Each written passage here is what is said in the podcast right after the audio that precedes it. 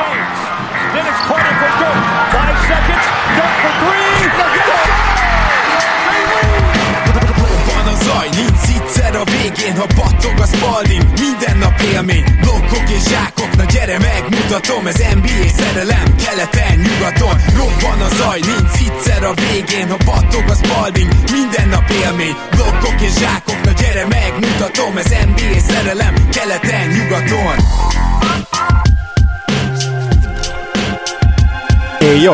Szép jó napot kívánok mindenkinek! Ez itt a Keleten-nyugaton podcast, én Rédai Gábor vagyok, és mint mindig most is itt van velem Zukály Zoltán. Szia Zoli! Szia Gábor, sziasztok, örülök, hogy itt lehetek egy-két fontos közlemény, és már csak azért is fontos, mert egy kis újdonság is. Tehát akkor kezdjük azzal, hogy ahogy ti elértek minket, az a Facebookon keresztül van, ott tudtok értékelni minket, ugyanígy iTunes-on, és természetesen Soundcloud-on, YouTube csatornánkra is érdemes feliratkozni, mert a következő idényben azért eléggé rendszeresen szeretnénk majd kommentáljainkkal kísérni bizonyos mérkőzéseket, úgyhogy szerintem ezt is jó tudni. És ahogy ti támogathattok minket, az a patreon.com per keleten-nyugaton oldal, ahol akár már egy gombóc fagy árával havonta tudtok támogatni, ha szeretnétek, és ahogy mi tudunk titeket támogatni, az pedig egy új együttműködésnek köszönhető. Van a Throw Us Back, T-H-R-O-W, Throw, US, Us, BACK, Beck nevű, inkább úgy mondanám, hogy bolt, mert ugye ez netes bolt is, de elérhető Budapesten is, mégpedig, ha már itt tartunk a 6. kerület Vörösmarty út 36-ban, és ez pedig Magyarország első vintage sportboltja, rengeteg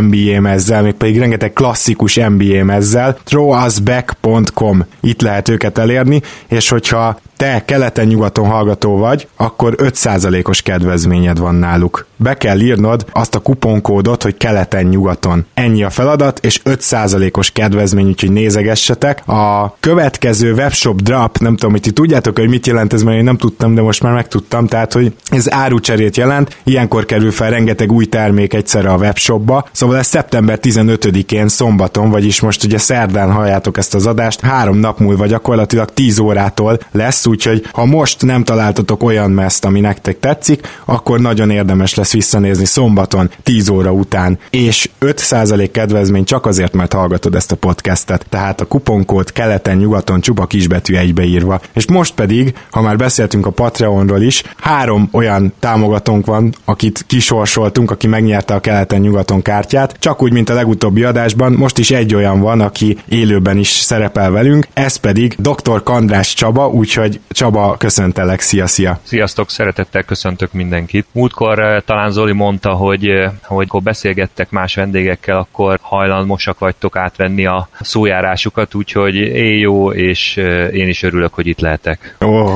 szia Csaba, én is üdvözöllek. Na, és hát akkor szerintem vezesd is fel Csaba a témát, amit hoztál, mert hogy nem csak, hogy hoztál nekünk témát, de olyan komolyan felkészültél belőle, hogy ez most ilyen kivételes adás lesz, ahol mi kicsit hátradőlhetünk, persze kommentárjainkkal majd kísérjük, mert egy elképesztően érdekes témából készültél fel nekünk. Igen, amikor, amikor írtátok, hogy lehet bedobni ötleteket, hogy milyen témákról hallanátok szívesen, akkor, akkor én elővettem egy régi témámat, ami engem már korábbról is nagyon érdekelt, ami arról szól, hogy mindig, mindig beszélünk arról, vagy beszéltek arról főleg, hogy ki hova szerződött, capspace, ki mennyit keres, és hogy repkednek itt a dollármilliók, de arról kevés szó esik, hogy, hogy mi történik a legendákkal, a bármilyen nagyjátékosok, kisjátékosok, akik pár évet voltak az NBA-ben, hogy mi történik utánuk, amikor befejezik a profi karrierjüket, hogy sikerül az életük, és korábban találtam egy nagyon megdöbbentő adatot, mely szerint a, az NBA játékosoknak, ez egy 2009-es adat volt, de a 60%-a a játékosoknak 5 év alatt elveszíti a teljes vagyonát, amit megkeresett NBA pályafutása során. Az NFL-ben itt két évvel a visszavonulás után a 80%-a közel a játékosoknak bukja el a vagyont, amit megkeresett, és gondoltam, hogy erről a témáról lehetne esetleg beszélni, és összeszedtem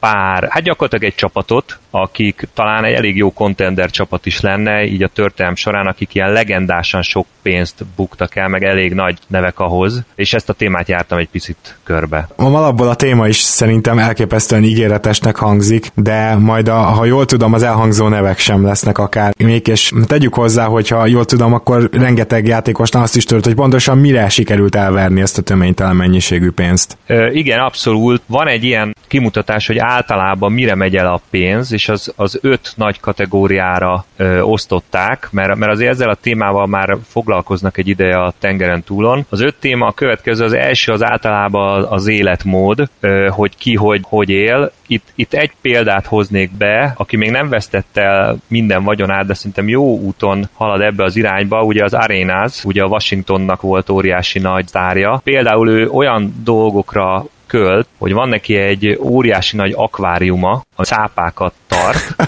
és csak az, hogy havonta etesse ezeket, az 5000 dollár per hó, hogy minden ételt megkapjanak, és az, hogy egyáltalán valaki odafigyeljen rá, az 1500 forint per hó, tehát a, az forint? ő akváriuma az 6500 dollár per hóba kerül. Tehát akkor dollár, mert 1500 forintot mondtál. Bocsánat, bocsánat, igen. dollár, abszolút dollár, és igen, itt azzal is készültem, hogy egy kicsit összevessük, hogy, hogy, hogy mert ugye itt dollár, hogy ezt lefordítsuk így magyar forintra is, meg hogy, hogy hogy is néz ki ott az életszínvonal, de még egy adat, hogy ő 60 ezer dollárért vett egy vonatszettet a gyerekeinek, és felbérelt egy fickót, aki ezt össze is rakta neki. Ugye 60 ezer dollár, hát azért az egy 10, majdnem 20 millió forint környéki csak játékvonatokra, költött, tehát hogy extrém, extrém dolgok jönnek elő, és majd a, a játékosok, akik el sikerült el tapsolniuk a vagyonukat, ott is azért érdekes dolgokra mentek el. Ezekből próbáltam szemezgetni a teljesség igénye nélkül, biztos vannak még, még más játékosok is, de, de szerintem ez egy ilyen vicces és érdekes téma lehet mindenkinek. Zoli, te mit csinálnál, hogyha lenne mondjuk 20 millió forintnyit most így instant, te is vonatra költenéd?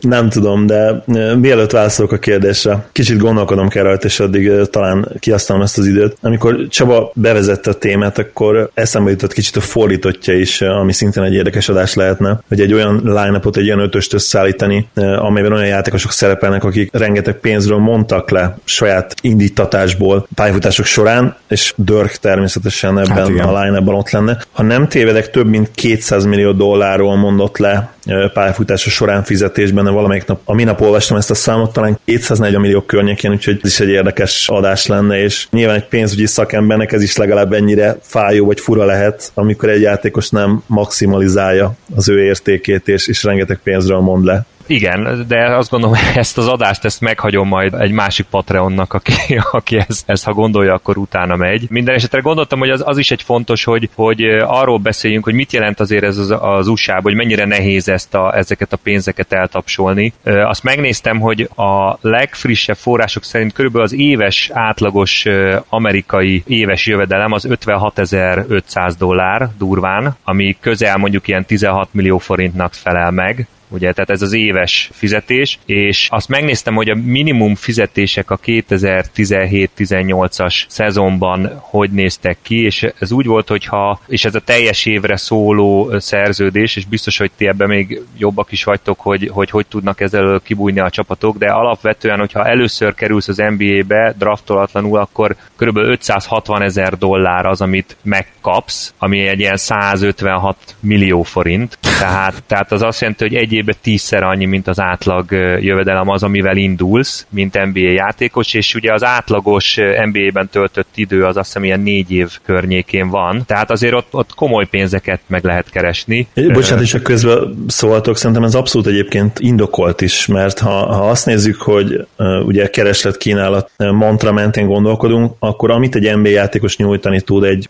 ami még egy professzionális sportolónak is egy nagyon-nagyon kicsi szegmense, egy, egy ilyen elenyésző százaléka, akkor, akkor bizony e, ez szerintem a reális összeg, meg hogyha nyilván ebbe belekalkuláljuk a ligának a, a revenue-ját, az összbevételét. Nem is tudom, hogy hány százaléka lehet az embereknek NBA játékos, de szerintem ilyen egy ezreléknél is kisebb szám lehet ez valószínűleg. Igen, egészen biztos. A, ami még érdekes, hogy az átlag fizetés az NBA-be, az pedig 4,3 millió dollár, tehát átlagosan azért ennyit, ennyit megkapnak a játékosok. Azt is érdemes azért ezt csak egy pillanatra forintra fordítani, ez, ez közel 1,2 milliárd forint, tehát azért lehet keresni lehet keresni. És ez sikerült bizonyos játékosoknak idő előtt eltapsolni. Hát, ha jól tudom, nem is kevésnek, ugye mondtad a százalékokat is, de akkor nézzük ezt a bizonyos listát, hogy kik azok, akik a legnagyobb pénzeket tapsolták el legjobb tudomásunk szerint. Jó, rendben. És mondom, én azt gondoltam, hogy esetleg ebből össz, végig is gondolhatnátok azt, hogy, hogy mennyire jó contender csapat lenne, sőt,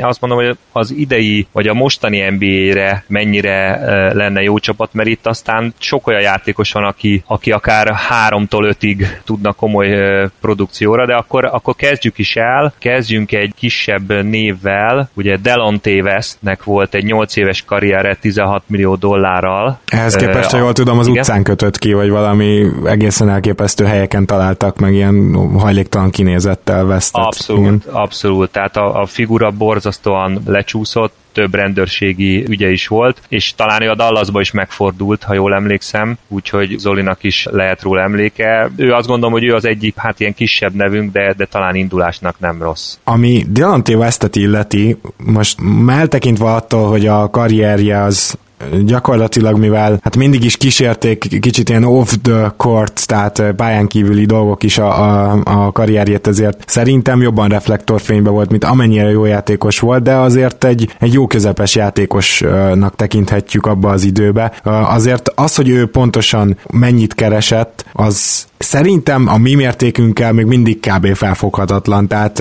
ezt akarom csak hangsúlyozni, hogy bár itt nem, nem tudom én 150 millió dollárról beszélünk, de azért még mindig olyan mennyiségű pénz, amit egészen irgalmatlan nagy bravúr lehetett így eltapsolni ilyen rövid idő alatt. Abszolút, és, és azt gondolom, hogy tovább megyünk a következő nagyágyúra, ő már igazán nagyágyú, ő pedig Charles Barkley, Sir Charles, aki a kosárlabda karrierje során meglepően kevés pénzt keresett, amúgy 43 millió dollár, kicsivel többet, mint 43 millió dollár, de hát nyilván a, ezekhez, amíg hozzászámoljátok a, a különböző reklámok, akkor azért az, az tetemes összeget tesz ki, és ő az egyik olyan játékos, aki attól függetlenül, hogy elvesztette mindenét, vagy hát a nagyobb vagyonát, azért nem, nem ér rosszul, meg hát ugye egy komoly műsorban szerepel, de ő volt az például, aki azt nyilatkozta, hogy ő szerencsejátékba fordult egy picit túlságosan bele, és azt mondta, hogy körülbelül elmondása szerint 10-15 alkalommal vesztett 1 millió dollárnál többet egy nap, és összvisz 5-6 alkalommal nyert legalább ennyit a 80-as években.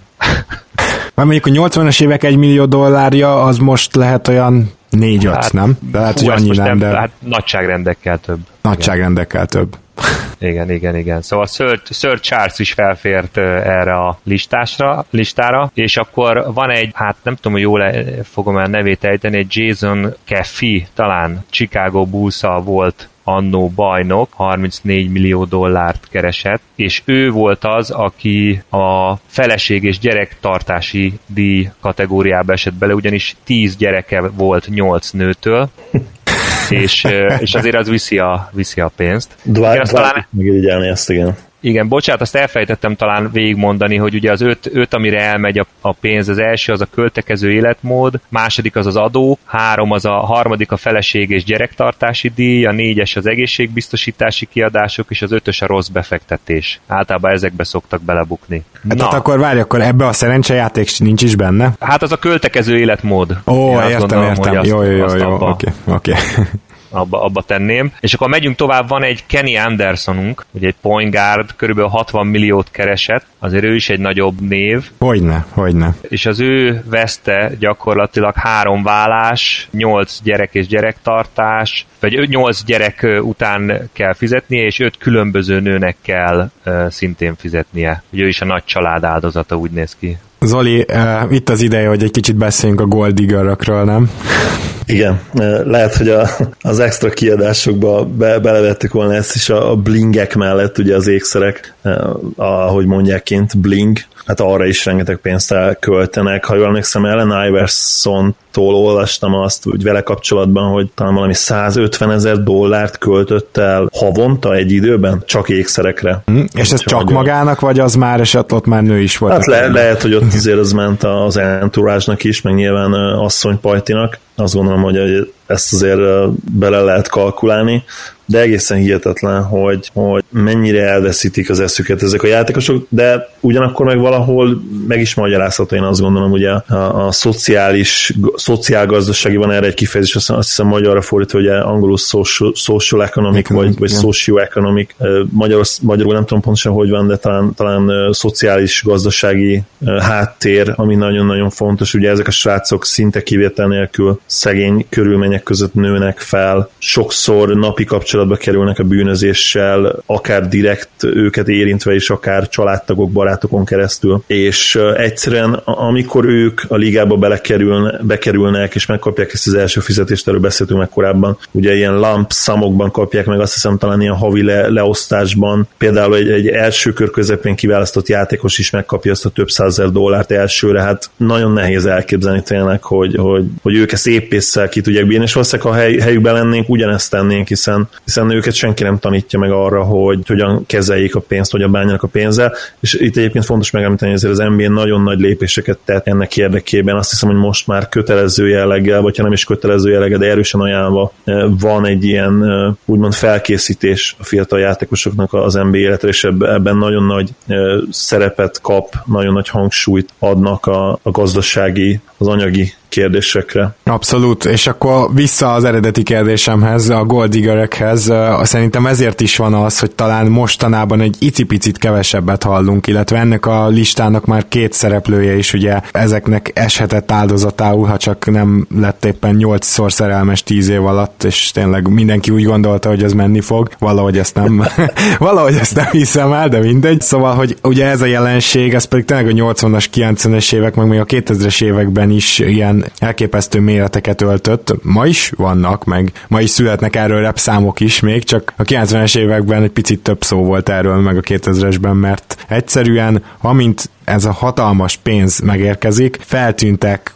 a világ minden tájáról lányok, akik gyakorlatilag, akkor inkább lányok, de néha nők, akik hát nekik nem kellett udvarolni, hanem ez ugye fordítva történt, és egyszerűen mint egy bevett taktika volt az, hogy jó, akkor egy kicsit izé, összemelegednek gyorsan egy gyerek, és aztán utána valamilyen indokra hivatkozva, néha jogos, néha jogtalan indokra hivatkozva azt mondja, hogy na jó, hát akkor köszönöm szépen, nekem ebből ennyi elég is volt. Igen, hát hogy csúnyább esetekben szerintem a, konkrétan a használt offszert a, a kukából kiszedte némelyik hölgyemény. Igen, gyanús. Hogy utána kreatívan használja fel az örökítő anyagot. Hát ugye erre a, a, a legismertebb példa, ugye azért Kobinak volt egy nagyon komoly, ami majdnem kerék, derékba törte a karrierjét, ugye egy nagyon komoly ügye, ahol, ahol, ahol hát ugye hát kétes körülmények között volt együtt egy hölgyel, és, és utána azt hiszem, ha jól emlékszem, úgy az volt a védelem, hogy, hogy hát a hölgynek három az alsó neműjében három különböző férfinak a rökítő anyagát találták, tehát hogy, és ez volt az, amivel ki tudták húzni gyakorlatilag Kobit is, ha most ez vagy igaz volt, vagy nem, de hogy, hogy azért ez egy ikonikus, és azt hiszem Zoli, te mondtad a múltkor, hogy a Rodmannek a könyvében volt szintén az, amikor ő, ő ír arról, hogy, hogy elképesztően észnél kellett lenni, mert hogy valóban,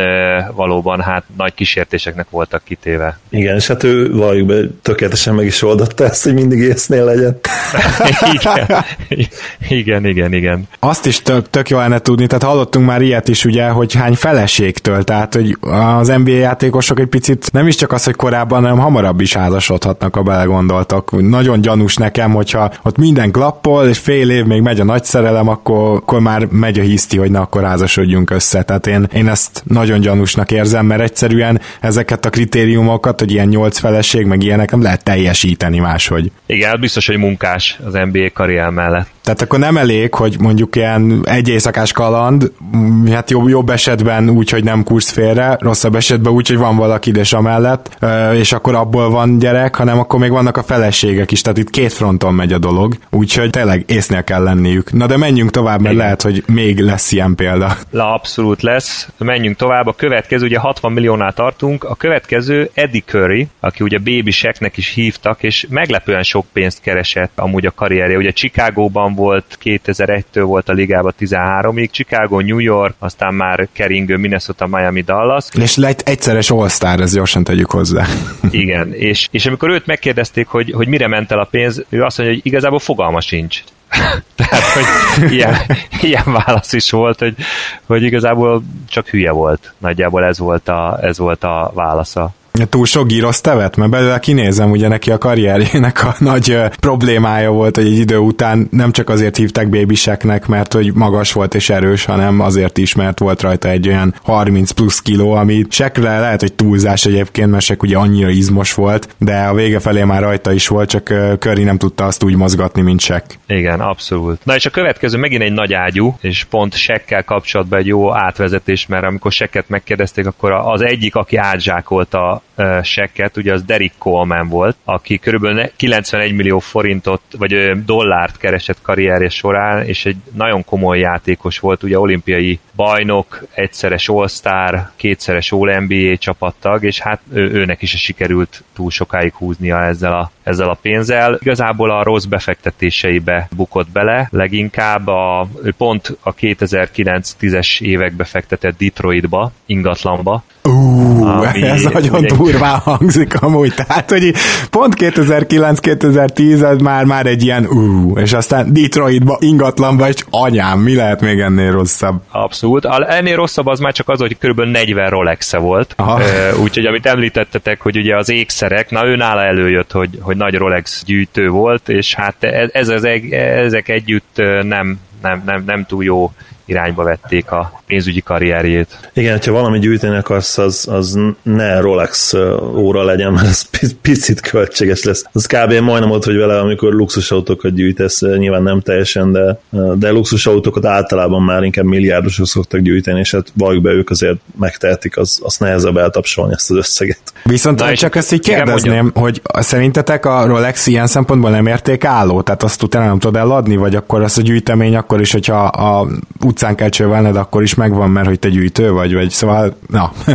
A Rolex-szel szerintem az a probléma, hogy, hogy az akkor értékálló, hogyha nem vagy rákényszerítve, hogy elad. Tehát, hogyha oh. meg tudod várni azt a vevőt, mondasz egy, egy olyan árat, ami, amit egyszerűen kiülsz. De hogyha az van, hogy neked pénz kell, és azt megérzik a vevők, akkor ők nem fogják megadni azt, a, azt az értéket, amit ér, hanem áron alul kell megszabadulnod tőle, és ez, ez rögtön már egy bukást jelent. Lásd Paul George, aztán végül mégis máshogy jött ki a dolog, de igen, ő, ő, ő volt az egyik ilyen Rolex az elmúlt időkben. Igen. Na a következő nagy ágyú, aki, aki azt gondolom ennek a témának a, az egyik ikonikus arca, az pedig Antoine Walker. Ó, hát igen. Aki azért ilyen ikonikus, mert ő tényleg két év, két vagy három évvel a visszavonulása után ment csődbe, úgyhogy 110 millió dollárt keresett karrierje során. Hát, hogy így próbáljuk meg csak így, így elhelyezni, hogy mondjuk a Dunaparton, vagy mondjuk Budán egy egy, nem, nem egy akkora villa, amiben eltévesz, de egy szép nagy villa kerül mondjuk 100 millióba, Na, hogyha megnézzük ezt az összeget, akkor az ugye körülbelül 30 milliárd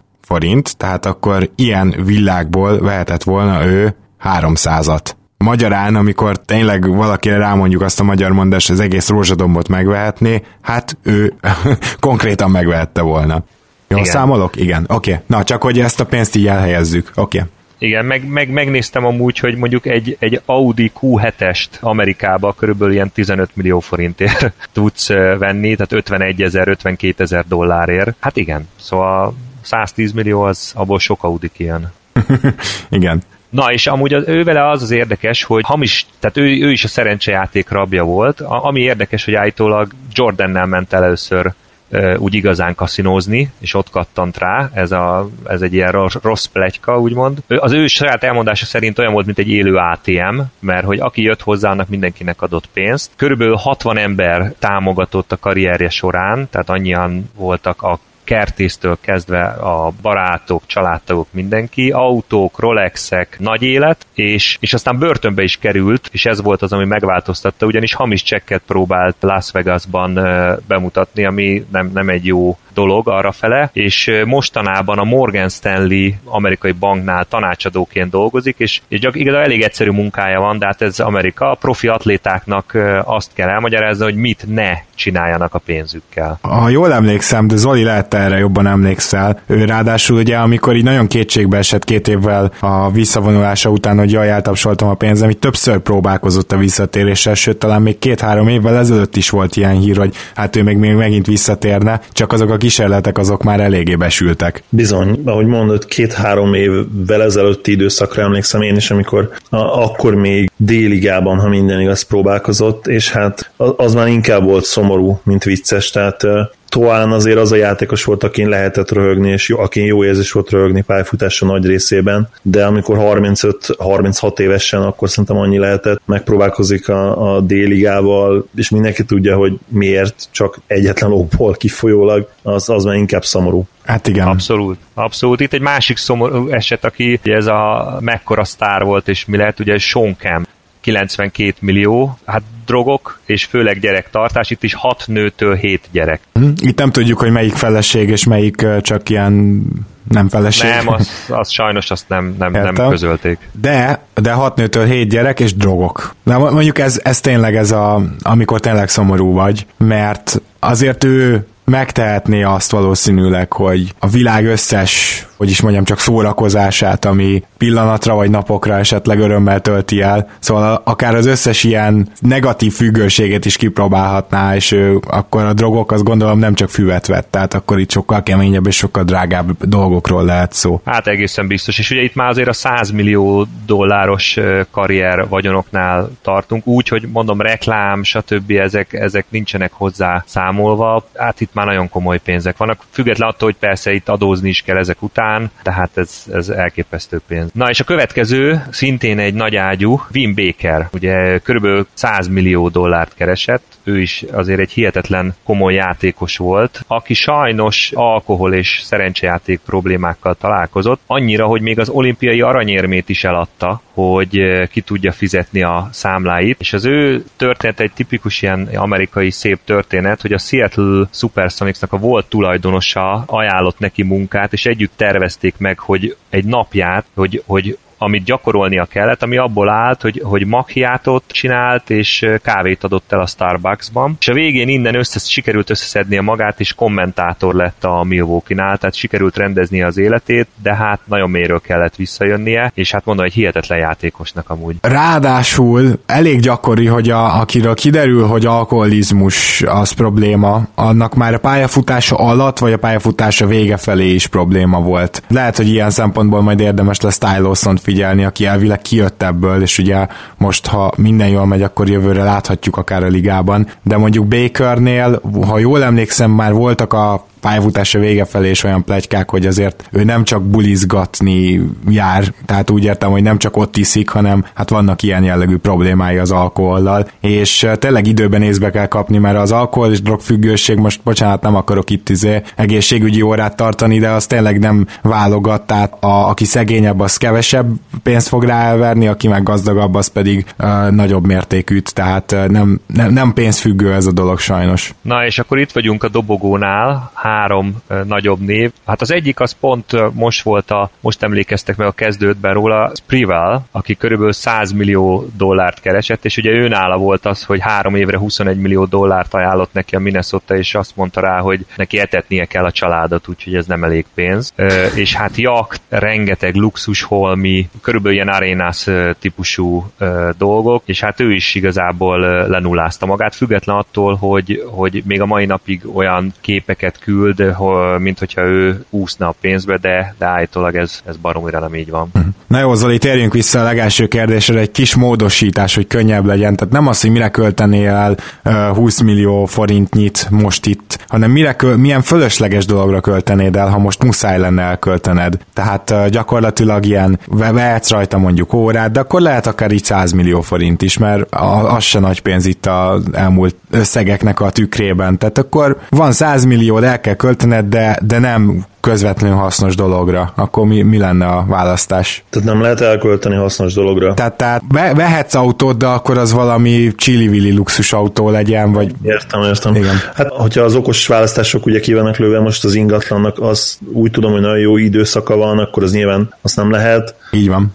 Akkor hát nem fuxokra költenéd, nem? Nem tudom, nem, nekem az... Nem, az... nem. Valószínűleg olyan dolgokra, amik, amik túl vannak árazva, de mégis, mégis azért, azért nagyon feldobják a napodat. Mit tudom én, most csak eszembe jutott valami, lehet, hogy vennék egy ilyen beltéri csúszdát, vagy nem tudom, beltéri Aha. medence mindenképp, tehát ami nem praktikus, de azért mégis élvezed nap mint nap, tehát egy beltéri medence például rohadt jó lenne, bár az talán lehet praktikus is, attól függ, kialakítástól függően gondolom. Beltéri tó azok is oh. nagyon jól néznek ki, az, az, se, az se praktikus nyilván, de akkor valami ilyesmire, és vagy akkor, akkor vennék mondjuk egy túlárazott ingatlant, és azt teleraknám túlárazott dolgokkal. Tehát megvenném a, a görbe tévét, a görbe 200 méter át, 200 cm átmérőjű tévét, biztos, hogy ilyeneket Hát Igen. most elmondom, hogy, hogy Arenas ezt úgy oldotta meg, úgy oldotta meg, hogy körülbelül 2000 pár cipője van. Ugye volt a múltkor egy cipős adásotok, Igen. tehát 2000 pár cipő,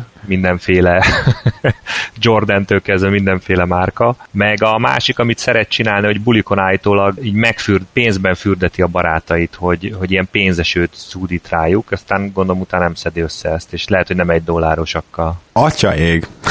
Na jó, menjünk, menjünk tovább, tehát akkor megvan a top 3-ból a harmadik helyezettünk, Igen. ő volt Wim Baker. És a, jöjjön a második helyezett, aki egy nagyon-nagyon-nagyon komoly név, Scottie Pippen. Körülbelül 120 millió dollárja volt, rossz befektetések, egyértelműen ügyvédek, és van nála egy érdekes sztori, hogy vett egy repülőt 4 millió dollárért, amit aztán sose használt, nem, mert nem tudott repülni, aztán azt felújította 1 millió dollárért, és szintén soha nem használta.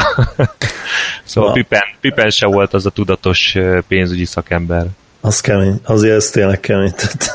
ennél a hajó is jobb befektetés, mert az legalább áll egy helybe, és ha, ha nem is hajózol vele ki, eltölthetsz pár napot, az olyan hangulatos, de hát egy rohadt repülőn mit csinálsz azzal, hogyha nem repülsz? Hát Igen. fizeted a bérleti díjat a hangárba.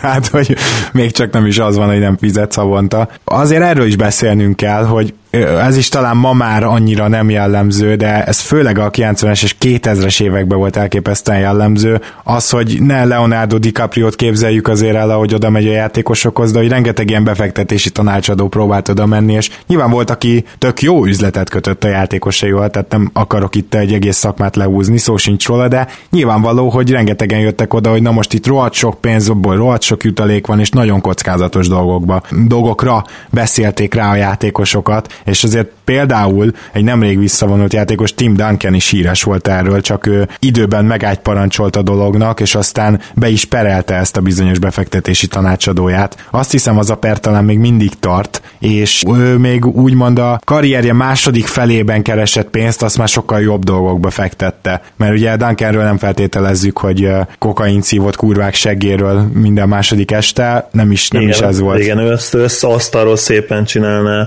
Egy, egyenes, Megterítene, igen.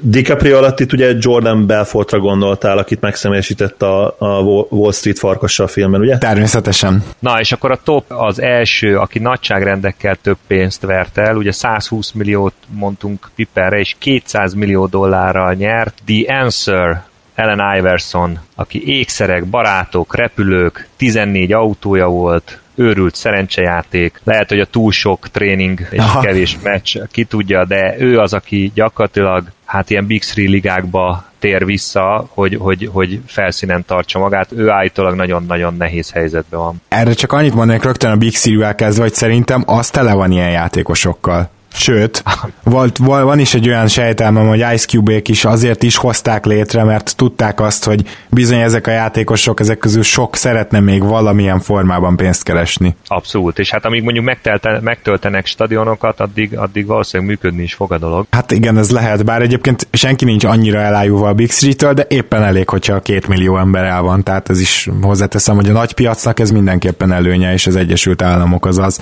Na de hát Iverson ugye őt, őt tehát gyakorlatilag nem lehetett úgy kamerával vagy fényképezővel lekapni, hogy ne lógjon valami olyan dolog a nyakában, ami többet ér, mint az autóm. Úgyhogy igen, azért annyira nem lepődünk meg. Abszolút, és akkor még egyet, ugye Rodman, aki el, említettük is, ő mondjuk kb. 50 milliót keresett, de ő is egy ilyen olyan figura, akinek azért túl sok nem maradt a játékos pályafutása után, és csak játszatok el azzal a gondolattal, hogy mit gondolnátok, ha egy olyan csapat kifutna a pályára, hogy irányítóba Iverson, cseréjeként ott van a Kenny Anderson, és Arenas. akkor Sprivel pattogtatna mellette, Pippennel, Barkley-val, és mondjuk egy, ki legyen a Colemannel, és akkor a Antoine Walker, Camp, uh, Wim Baker üldögélne a kispadon. Hát ez brutális. Zoli, mit szólsz ez a csapathoz? Elképesztő. Még, még Iversonhoz kis extra információ, mert ő nagyon érdekes ebből a szempontból, és ennek korábban utána néztem, hogy ő egyébként abból a szempontból szerencsésebb, hogy még 2001-ben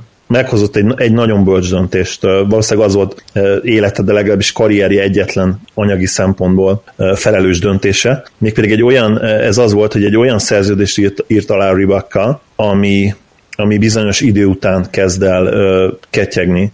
És tulajdonképpen az történt, hogy a, hogy a Reebok felállított neki egy ilyen trust fundot, 32 millió dollárról, és ehhez 55 éves korában nyúlt hozzá, tehát ami ugye 2030-ban lesz, annyi, hogy, hogy a vállásban ennek a felét is elveszítette, tehát ennek igazából a felét fogja megkapni, de azért az nem lesz rossz 55 évesen. És ami még neki jó, hogy hogy 45 éves korától pedig igényelti majd az NBA nyugdíj, NBA havi nyugdíját, nem azt hiszem, hogy havi 8000 dollár lesz, úgyhogy azért az se az se annyira rossz. Hát igen, ez mondjuk igen. Kiegészítőnek már tökéletes. És azt hiszem, hogy több olyan szerződés is van, ami például így nem egy összegbe kéri a mondjuk cipőszerződésnek az összegét a játékos, hanem hogy minden évbe utalják, tehát van, aki még így előre gondolt, tehát van erre példa. De egyébként Rodman is lehet, hogy még ebbe a csapatba elférne. Minden esetre, tehát menjünk végig még egyszer, akkor azt mondjuk, hogy Iverson, Arenas és Kenny Atkinson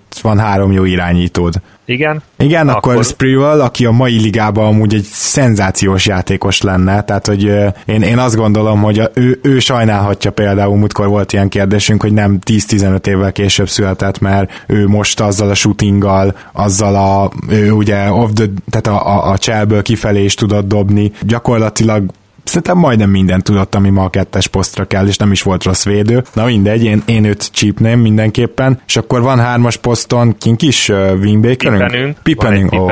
Igen, Barkley, Barkley és Coleman. Hát ez így elég erős lenne. Igen, igen, igen, igen. És mondom, és akkor még ott üldögélnek, igen, a Baker, Antoine Walker, akkor a Coleman center, tehát hogy nagyon-nagyon ütős kis csapat lenne. Zoli, egy ilyen keret meddig jutna ma? Mert én szerintem minimum hazai pálya a playoffban. Nyilván úgy kell gondolkodnunk, hogy mindegyik peak, vagy mondjuk a legjobb játékosok peak években, mert nyilván attól függ ez a történet. Legyen mondjuk igen, tehát legyen a legjobb játékosok peak években. És akkor Sean Kempet még ne is, ne is hozz, Ú, atya úristen, tényleg. Igen. Mondjuk a, a, tripla, meg a spacing azért az bajos lenne, de, de nem lennének rosszak. Igen, a Warriors nem vernék meg, az szinte biztos. Hmm, hát ez érdekes, igen. mert viszont szerintem egészen jó védekező csapat jött össze, és azért itt van, van shooting, csak olyan line kell felrakni. De igen. Gondoltam, hogy a végére egy pozitív példaként, és találtam egy nagyon érdekes történetet, hogy ugye ki az öt legjobban kereső 2016-os bevétel alapján, és ugye vannak itt a, a klasszikus nevek, ugye az egyik az a nagyjából Kobe, LeBron, Shaq, Magic és a Jordan természetesen, így, így öten, de van egy figura, és kíváncsi vagyok, hogy erre van-e tippetek, aki a legmagasabb fizetése az NBA karrierje során az 350 ezer dollár volt, tehát nem, nem egy óriási nagy összeg. Ebből Ak- is... Akkor nem Jamal Mashburn lesz róla, olvastam, hogy, hogy ő mindenféle étterem láncokat vásárolt fel, vagy, vagy ilyen éttermeket, és hogy neki nagyon jól megy. 38 nem, Outback Steakhouse-a van, és 32 darab Papa John's, hiszem az egy pizzériája a Mashburnnek, tehát igen, ő, ő elég, elég jó, de nem ő rá gondolok.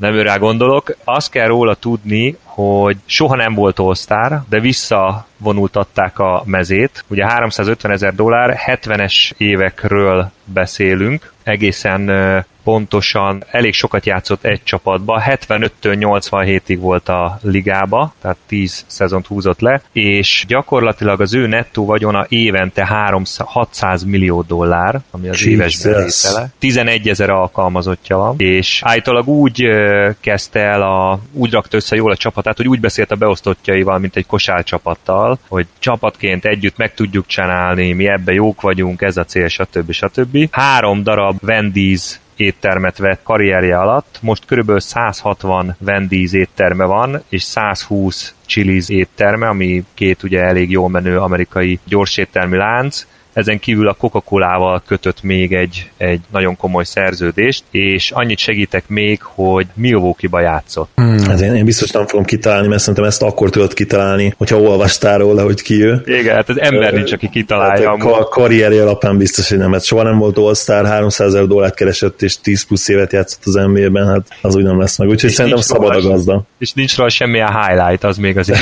érdekes.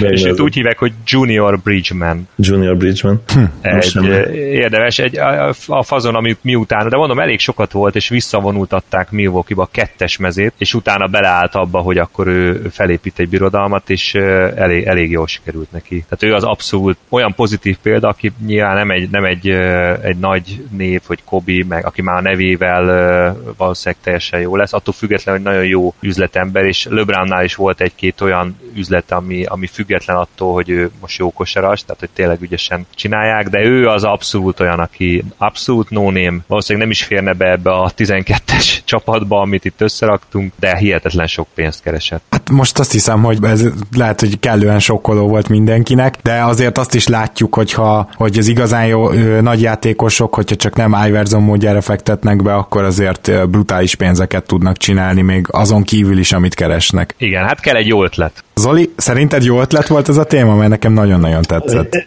Én rá akartam kontrázni, és azt akartam mondani, igen, hogy Csabát meghívni nagyon jó ötlet volt, de hát ugye ez nem egészen így zajlott le, hiszen, hiszen ő nyerte meg a havi játékunkat, de én nagyon örülök neki, hogy megnyerte, nagyon-nagyon érdekes téma volt, és köszönöm, hogy itt voltál Csaba. Köszönöm én is, és ha máskor is van téma, akkor szóljatok is szívesen. Na hát akkor én azt hiszem, hogy mostantól a NBA pénzügyi szakértőnk is megérkezett a műsorba, vagy őt is bemutathattuk, és nagyon szépen köszönöm én is, hogy, hogy voltál, és hát azt is nagyon szépen köszönjük természetesen, hogy te támogatsz minket. Igen, azt gondolom, hogy nincs mit. Én igazából ami engem megérintett az, amikor tényleg a, egy NBA játékossal sikerült összehoznatok egy, egy műsort, szerintem az, az, az óriási nagy dolog volt. Mindenki, aki szereti a kosárlabdát, meg, meg az NBA-t valamennyire szerintem ennek, a, annak ez egy, ez, egy, ez egy nagy érzés volt, úgyhogy, úgyhogy csak így tovább srácok.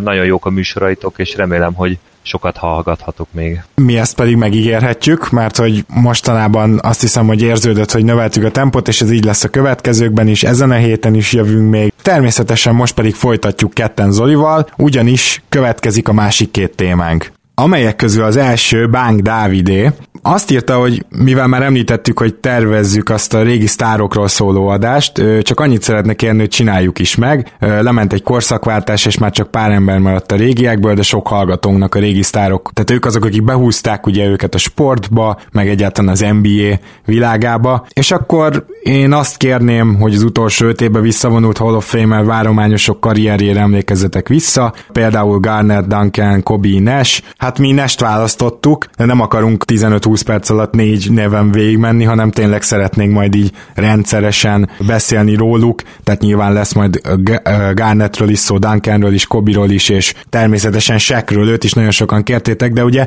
az a poszt, amire hivatkozik itt Dávid, mert hogy kiírtuk, hogy kik azok a nevek, akiknek szívesen újra hallgatnátok így a karrierjét, és ott egyébként a két leggyakrabban kért név az Shaq volt és Nash, és ugye Nashnél így találkoztak most a viszonyok, úgyhogy ezért választottuk őt, meg hát a Zoli és én kedvenc csapataimat ismerve már mind nekem nyilván a múltba a Suns, ezt tudjátok, illetve Zolinak a Dallas, hát ez egy szintén közös pont. Úgyhogy akkor szerintem induljunk el Steve Nash karrierjével, és ami azt illeti, érdemes ott kezdeni, hogy ő Dél-Afrikában született, már csak azért is, mert nem biztos, hogy sokan tudják róla, ettől függetlenül őt kanadaiként ismertük meg, mind a két állampolgársága megvan egyébként, szóval mindez azért van, mert amikor ugye Nash született, akkor Dél-Afrikában még nem igazán voltak túlságosan, hogy is mondjam, csak emberbarátik a viszonyok. Ugye 74-es születésű, és kettő éves volt, amikor a szülei úgy döntöttek, hogy gyakorlatilag emigrálnak, tehát Kanadába mentek, az apartheid meddig is tartott így uh, évszámban? Most így nem jut eszembe. Én sem tudom, de abba biztos vagyok, hogy még akkor tartott, tehát gyakorlatilag azelőtt is, azelől is menekültek, tehát ezt így uh, utána le is nyilatkozták a szülei is, Nes is, bár ő nyilván még nem tudott erről két évesen, akkor még ez bőven, bőven volt. Úgyhogy gyakorlatilag illető kanadai, és aztán amikor nőtt fel, tudni kell, hogy nem csak, hogy a szülei is sportoltak, meg ugye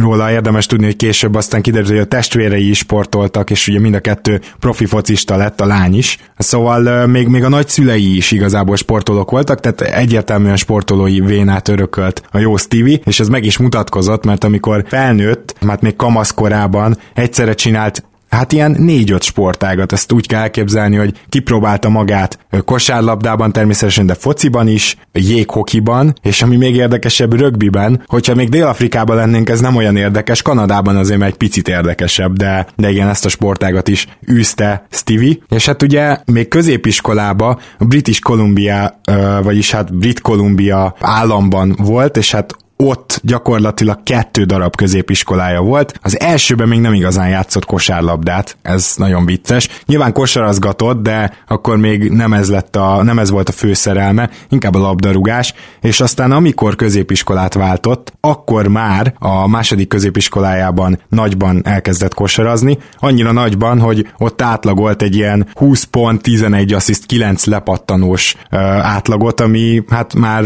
akkor is mutatta, hogy ebből a játék játékosból még lehet valami, de hát akkor nagyon vékonyka volt még szegény, ugye. A 190 centi, amire megnőtt, az nagyjából ráadásul neki elég hamar meg is volt. Tehát legalább annyit tudtunk róla, hogy ő egy irányító prospekt, ugye abban az időben. Na jó, jó, de ezek után azért Steve Nashnek még nem volt olyan egyértelmű útja az NBA-be. Ugye elment a Santa Clara egyetemre, és akkor ott már egyértelműen a kosárlabda volt az első számú fegyvere, és ha jól tudom, akkor a Santa Clara már más sportág sportágat egyáltalán nem is játszott. Na most az egyetemen sem volt egy ilyen rögtön be robbanó szupernova, ugye négy évig járt egyetemre, és azért ott elég komoly, hát hogy is mondjam, csak karriert futott be, de nem feltétlenül azért, mert rögtön az első év berobbant. Amikor ő a college karrierjét ugye megkezdte, ez 90 kettőben volt, hogyha jól emlékszem.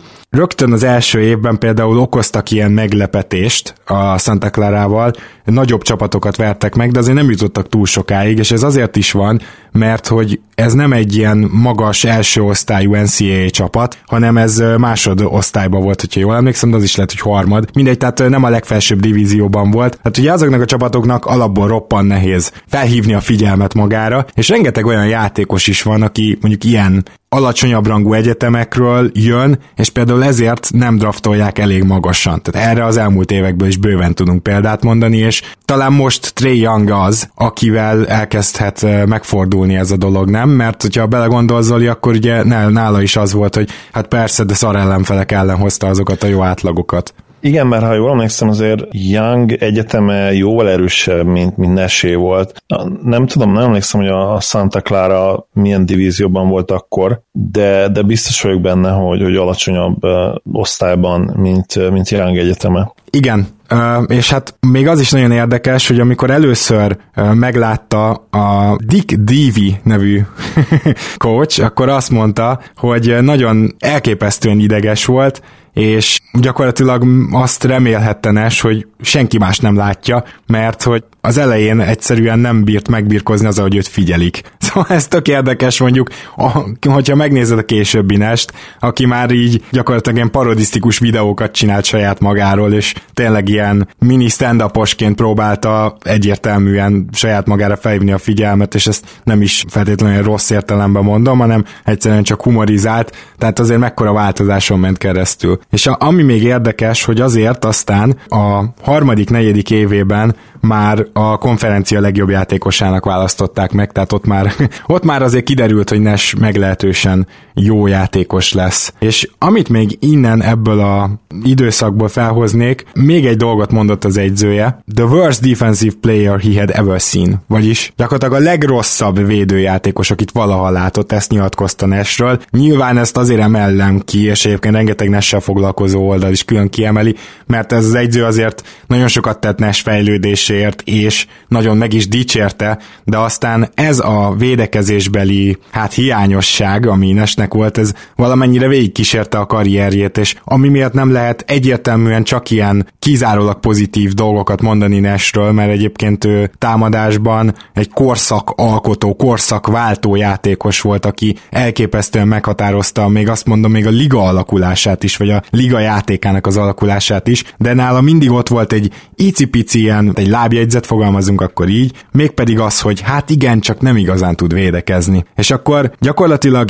így jutunk el ahhoz, hogy őt ledraftolják, ugyanis 1996-ban a 15. pikkel, tehát négy év egyetem után a 15. pikkel Nash az NBA-be került, mégpedig a Phoenix Suns gárdájához, és akkor itt a 15. piknél tényleg visszautalnék erre, hogy kicsit alacsonyabb osztályú a Santa Clara, Megnéztem egyébként közben Divízió 1-es a Santa Clara is, de azért nincs azon a szinten így uh, históriailag, mint, a, mint az Oklahoma. Most miért pont az Oklahoma-t uh, hoztuk be? Mert hogy onnan jött Trey Young. Igen, igen. Jó, jó, jó, akkor ezt is összeraktam magamban. Szóval a 15. hely, igen, tehát a, Santa Clara-nak is köszönhető, egy kicsit annak is, hogy akkoriban a scouting az szerintem, hogy is mondjam, csak gyerekcipőben járt a maihoz képest, és hogyha megnézitek, akkor például ugye Steph Curry is úgy jött, hogy ő neki azért azon a drafton, hát most így utólagos tudásunk szerint mondjuk legalább top 3-ba el kellett volna mennie. Tehát nyilván utólagos tudásként nem azt mondom, hogy milyen karrier lett belőle, hanem hogy egy ilyen shooter mekkora hatással van mondjuk az NBA játékra jelen pillanatban. Akkor azért első háromba el kellett volna menni, csak akkor ezt még nem tudták, mert nyilván azt még nem lehetett tudni, hogy mekkora szintet fog lépni. És hát majd kíváncsi vagyok, hogy Trey Youngnál hasonlókat fogunk-e mondani az ötödik helyről. Most így nem hiszem, de kíváncsi leszek, még egyszer mondom. És a, gyakorlatilag a Suns a 15. helyen ráadásul úgy választotta Nest, és ez az, ami nagyon érdekes, hogy egy rakat irányítójuk volt. És ez a rakat irányító, ez például ö, ott volt már Jason Kidd, ott volt Kevin Johnson, ott volt Sam Kessel. Szóval még akkor is, hogyha azt mondja az ember, hogy Kevin Johnson már miért ne tudna kettest játszani, és talán abban az időben még Jason Kidd is, nem csak a magassága miatt, hanem azért is, mert akkor még nem kellett ehhez feltétlenül triplát dobni, amit Kidd ugye akkor egyáltalán nem tudott, de tény ami tény, hogy Sunsba gyakorlatilag úgy volt Nash, hogy az is csoda, hogy pályára került. És hát igen, ez azt hiszem, hogy az első két évét jól mutatja, hiszen kemény 10 percet átlagolt az első évében, amikor is egyébként megmutatta azért, hogy nem lesz rossz, mert 42%-kal dobta a triplát, igaz, hogy a szinte elhanyagolható kísérlet mellett mi is érezzük, hogy ez 10 perc, ez már szinte csak a garbage time. Három pontot átlagolt, két asszisztot, aztán 97-98-ban a következő idényében már felment 22 percre az átlaga, és ez azért érdekes, mert itt azért meg tudtam mutatni, hogy igen, ő megfelel annak, hogyha nagyobb nyomást és nagyobb felelősséget helyeznek rá, akkor jobb is. Itt már 9 pontot átlagolt, 3,4 asszisztal. Ugye a büntetőzés egész karrierje során egészen figyelemre méltó, sőt, igazából ugye a rekordok könyvébe is benne van. Na most 86%-kal dobta már a büntetőt, 53%-os e-field goal százaléka volt, és ez úgy hozta össze, hogy 48%-os kettes, és 42%-os, 41,5%-os hármas dobással. Szóval ne, ne is említsük, hogy itt már 3,4 asszisztja volt, és az egész karrierje során ez a 2,1 meg 3,4 assziszt a legalacsonyabb, tehát ennél csak feljebb volt, de ezt gondolom sejtitek. Ami érdekes, hogy ugye Nest gyakorlatilag a Suns azért is cserélte el, mert hogy hát igen, itt volt két évet, nagyon sokat nem mutatott, látjuk mik az erősségei, mik a gyengességei, próbáljunk meg megszabadulni tőle. Hát nem is megszabadulni tőle, de értékre váltani. Tehát nagy, nagyjából így került ő Dallasba, hogy szerettek volna kihozni valamit Nashből, és így 1988-tól és így 1998-tól ő Dallasban folytatta a pályafutását, aminek az elmesélésével pedig Zoli érkezik. És itt akkor picit említsük azt is, meg az elején talán nem mondtuk, hogy itt azért elég jó aktualitás is van, ami miatt is szerintem Nest itt választottuk, hogy az egyik kedvenc ráaggatott, vagy inkább nekiadott becenevet is említsem. Mégpedig az, hogy ő bekerült ugye a Naismith kosárlabda hírességek csarnokába pár nappal ezelőtt, azért ez egy eléggé jelentős fegyvertény. Hozzáteszem, hogy Jason Kiddel együtt, úgyhogy őt is talán az elején kihagytuk, hát ő is megérne egy misét, azt gondolom, hogy ebben egyetértünk. Abszolút. Nes, Nesre visszatérve, mit mondhatnánk még róla? Tényleg részletezni kell a karrierjét, mert ő megérdemli. Nes karrierje egyértelműen teljes, amint a, a díjátadó is mutatta nemrég, de én kicsit hazabeszélve azt gondolom, hogy, hogy ez a karrier nem lehetett volna az, ami lett, ha, ha nincs az a, az a Dallas kitérő, ha nincsenek a Dallas évek és mivel többek között engem úgy ismersz, úgy ismertek, mint, mint azt, az, azt az NBA-vel foglalkozó szemét, aki hát mindenkit túlértékeltnek tart, hadd mondjam el itt az elején, hogy Steve Nash szerintem egy kicsit underrated, mint játékos, és a karrierje is, de hogy, hogy a Mavericks féle verziójú Nash underrated, alulértékelt, az szinte egészen biztos. Érdekesség egyébként meg vele kapcsolatban, hogyha ha rágondolok, valahogy mindig az jut eszembe, hogy nem volt pályafutásának olyan szakasz, amikor ne lett volna öreg, és, és ha arra gondolunk, hogy 22 évesen kezdte az NBA-t, akkor ez valahol igaz is.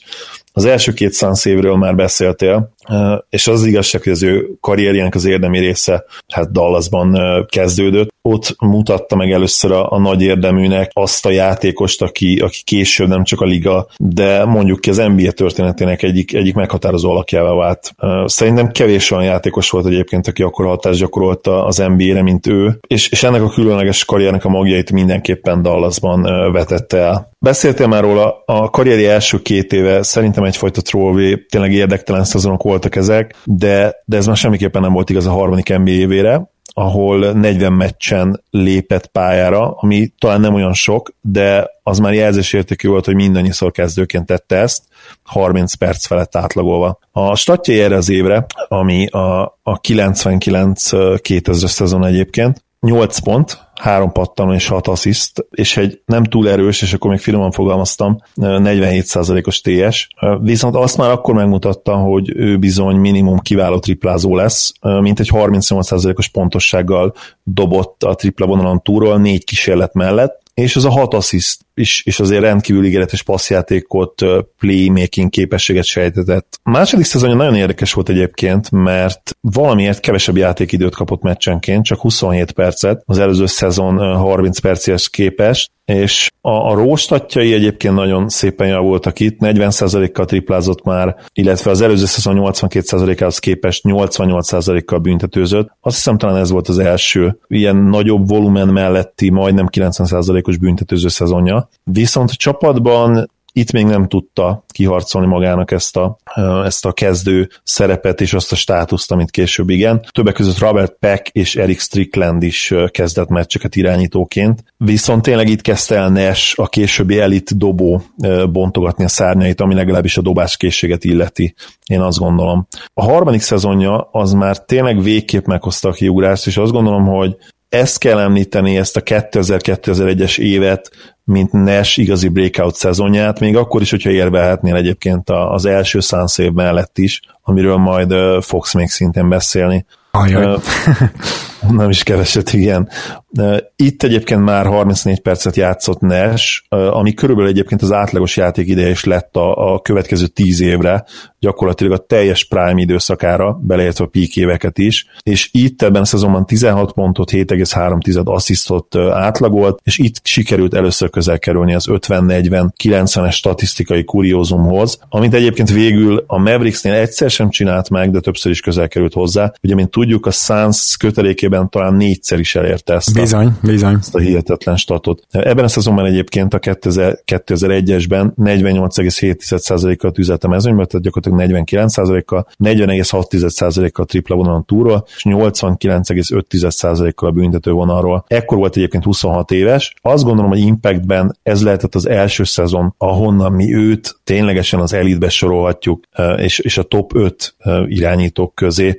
Később természetesen még feljebb lépkedett ezen a, a ranglistán. És nagyon érdekes lépkedett. egyébként, hogy ebben a szezonban még nem volt All-Star. Így van, pontosan. Az csak a következő szezon hozta meg neki. Igen, és egyébként még erre szezon visszatérve 2000-2001-esre, itt a Mavericks megszakított egy tíz éves száraz időszakot, ugye ez a drought, ahogy kint mondani szokták, és a konferenciában egy egészen erős 53-29-es mérleggel ötödikként végezve jutottak be a play tíz szezon után még egyszer, azért ez itt nagyon nagy fegyvertény volt, és ráadásul az első körben még nyerni is tudtak a Melon Stockton Jazz ellen, amelyben nyilván túl volt a, a legjobb éve, éveiken, de attól függetlenül azt gondolom, hogy nagy fegyvertény azért egy fiatal Mavs-től, fiatal Dörkkel, fiatal nash de aztán a Spurs azért értelemszerűen kemény dió volt a konferenciára döntőben, ott négy egyre maradtak alul. És azért tegyük hozzá, hogy Spurs gyakorlatilag Nashnek az egész karrierjét megkeserítette, tehát hogy hát, szerintem ezt így ki lehet jelenteni. Gyakorlatilag Dörköt is említhetjük itt, igen, hogy ha már a két jó barát szóba került, illetve Nash jó barátja is szóba került, hát értemszerűen nekem fel kellett hozni, de talán elnézitek nekem, hiszen a Dallasról is beszélünk, ugye most nem csak erről a kiváló irányítóról. És ha már ezt említetted, ezt a jó barátságot, ugye 2001-ben kezdett el kialakulni ez a szinte megfoghatatlan Nash Dirk pick and roll, és itt kezdődött el szerintem az a nagy barátság is, be erről nem tudok pontosat, de én azt gondolom, hogy amikor így ilyen jól elkezdenek együttműködni két játékos a pályán, akkor, és ráadásul hasonló korúak, akkor valószínűleg kialakulhat egy olyan barátság is, ami később ugye legendás lett. Igen, ugye azt hiszem, hogy a 99-es szezon, a 98-99-es szezon előtt talán lehet, hogy eretnekség, de megmondom hogy nem jut eszembe most pontosan, hogy 97-ben vagy 98-ban draftoltuk egy Dörköt, ez talán 98-ban. Utána született meg ez a kép, ez a híres kép, ahol ugye kiszökített hajjal Nash és Dörk bemutatja a mezeiket ugye a nagy érdeműnek. Az volt az első közös szezonjuk, ugye Nesnek már nem az első szezonja, Dirknek azért az volt az újonc éve, ami neki egyébként nem sikerült túl jól, de a második évétől már, ha nem is az elithez, de gyakorlatilag a borderline all-star szinthez ő is csatlakozott, és, és az volt ebben a jó, hogy, hogy Nessel együtt tudtak nőni és fejlődni, és ezért tartom kicsit unfairnek azt, azokat a véleményeket, amelyek azt mondják, hogy nekik igazából el kellett válniuk ahhoz, hogy igazán nagyjá váljanak. Szerintem ők úton voltak a legenda, legenda státusz felé, és akkor is elérték volna ezt, hogyha, hogyha együtt maradnak. Sőt, szerintem azért a bajnoki cím is összejött volna, de nyilván ezt uh, sose tudjuk már meg. És akkor a harmadik szezonról még annyit, hogy bár itt uh, ugye jött ez a, az a veressége az alapszakaszban, ezért ez itt már megalapozott valamit. A 2001-es, 2002-es szezonban ugyanez még eredményekben nem látszott, mert a Mavs akkor is a konferencia elődöntőben kapott ki szintén 4-1-re, ezúttal ugyan a Kings ellen, de a csapat azért már hatékonyabb volt, erősebb volt, 57-25-tel végeztek. Nash ebben a szezonban egyébként 18 hetet 47-41-90-es dobószázalékokkal átlagolt. Gyakorlatilag itt már abszolút az elit tagja volt Nash, én azt gondolom, hogy top 3-as irányító volt teljesen egyértelműen, de az is elképzelhető, hogy top 2-es igazából. Nagyon hasonló átlagai voltak a 2002-2003-as szezonban is, de ez volt az az év, ahol a Mavs a 2006, illetve 2011-es időszak előtt tulajdonképpen elérte a csúcsot. Ebben a szezonban egyébként bár sokan nem így emlékeznek rá, de akár bajnoki címet is nyerhetett volna ez a csapat. Nes bár a, a Ró statjaiban nagyon hasonló dolgokat csinált, 46-41-90-es mezőny százalékot hozott megint, bőven megint 60 százalékos TS felett, ekkor talán már a harmadik, negyedik ilyen szezonja volt Ginorban, és 60 meccset nyertek először, ami azért egészen elképesztő fegyvertény volt azon a nyugaton, hogyha emlékeztek rá és el is jutottak a konferencia döntőig, ahol úgy kaptak ki egyébként a Spurs-től, a későbbi bajnoktól hat meccsen, hogy Dirk nem játszott az utolsó három összecsapáson, és azt hiszem abban egyet kell, hogy értsünk, ha akkor ott a Mavs valami csoda folytán megveri a spurs a konferencia döntőben, a, a New Jersey Nets a, a fináléban már szerintem nem okozott volna e, problémát, mert bár egy végtelenül szimpatikus csapat volt az a Nets, de azért nem éppen világverő, legyünk őszinték. Igen. Kelet, kelet akkor is sokkal gyengébb volt, ugye akkor a, a Pistons még nem nőtte ki magát. És akkor az utolsó Dallasi szezonról is beszéljünk, ez volt ugye Nessi hattyúdal nálunk. Ott már egy picit azért visszaesett a Mavs, 52, met, 52 meccset nyertünk csak, és nagyon csúnyán kikaptunk egy, egy nagyon jó Kings-től a rájátszás első fordulójában.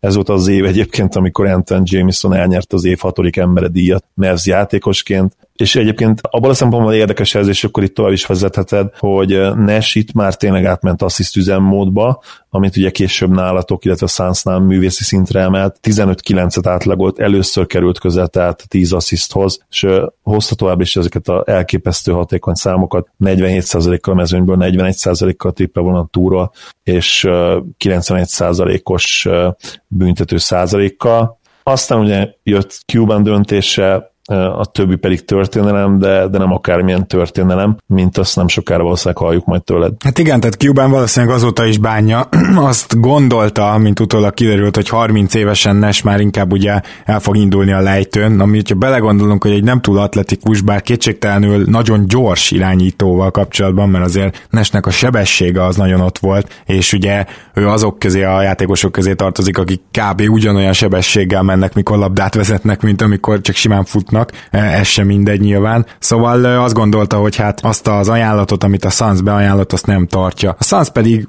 jól tudta már akkor valószínűleg, mert konzultáltak az új vezetőegyzővel, Mike D'Antonival, hogy milyen típusú irányítóra is lenne szükségük. Említetted azt, hogy mekkora fordulás volt ugye a Mavs történelmében Nessel, na most a Suns az talán még brutálisabb. 29-53-as szezon volt a 2003-2004-es, és a 2004-2005-ös, amikor egymásra talált a legendás SSOL Suns uh, Nash-sel, Marionnal, Joe Johnsonnal, Studymeyerrel, Nos, ez a gárda, ez 60 győzelemig vitte, tehát 29-ről 60-ra ugrottak. Ez csak azért is, mert hogyha esetleg valaki így a történelemben nem lenne ilyen szempontból annyival tisztában, és nagyon csodálkozik azon, hogy a Fili mekkorát ugrott az előző szezonba, hát a Suns az annál is nagyobbat. És az a... 31 meccs. Hát nem, igen, nem, ráadásul még nem is mondtam jól, mert ugye ez a 60 az 62, tehát 62-20. És ez, ezzel meg is nyerték az egész alapszakaszt. És természetesen Nash megkapta az MVP díjat, amit én nem is értek mai napig, hogy hogyan lehet vitatni, mert... Hát ugye itt ez... volt a nagy ellenfél igazából de ez volt az év, ami szerintem egyértelmű volt. A, a következő az talán nem ennyire. Ott, Igen. ott lehet, hogy seknek kellett volna kapnia, de ez az első év, ez, ez annyira egyértelmű volt, hogy hihetetlen. Hát ugye egy laza 110-es offenzív ratinget sikerült lehozni a Sunsnak, ami most talán nem tűnik olyan nagynak, de a 2000-es éveknek ez messze, a, tehát az egész évtizednek a legmagasabb offenzív ratingja volt, és Nash egy laza 50%-kal dobott, 43%-kal triplázott, és emellé egy 88%-os büntető jött össze, ez tehát azt jelenti, hogy itt még nem volt meg az 50-40-90, de itt már átlagolt ebben a szezonjában 15,5 pontot, és emellé 11 és fél asszisztot. És azt gondolom, hogy ezt ma is megsüvegelnénk, tehát a 11 fél mellé 15 5 átlagolna valaki, hát ugye ezért durva egyébként Westbrook, tehát akármennyire szídjuk néha, hogy, hogy mennyire a saját képére formálja az egész csapatát, azért ő is így 10 fölötti asszisztot átlagol, és ő 20 fölötti ponttal teszi mindezt. Azért ezt akárki nem tudja megcsinálni. Na most Nash emellett olyan hatékonysággal csinálta már akkor is, ami ma is bőven elit lenne az NBA-ben, és ezt akarom hangsúlyozni. Hát aztán az a Suns ugye kikapott, mégpedig a Spurs-től, ugye 2005-ről beszélünk, és azt tudni kell, hogy ez volt szerintem az első olyan év, amikor erre a Sunsra felfigyeltek, de egyben már ennek az évnek a vége felé is elkezdték mondani, hogy hát tök jól tudnak támadni, de hogy ugye a playoff az a védekezésről szól, ne felejtsük el, hogy nem sokkal voltunk a Detroit Pistonsnak a bajnoki címe után, tehát akkor ez egy ilyen alapvetés lett, és szerintem évekig az is maradt, és hogy védekezésben gyenge a Suns, és védekezésben Nes is gyenge, és akkor még annyira nem ekészték Meyer, de azért tudjuk, hogy ő sem volt a az advanstatok szerint valami jó védő. Igen, akkor még szerintem elhittük azt, hogy uh, van ez a mondás, hogy jump shooting teams uh, don't win in the playoffs, akkor még elhittük, hát ma már tudjuk, hogy, hogy ez nem így van.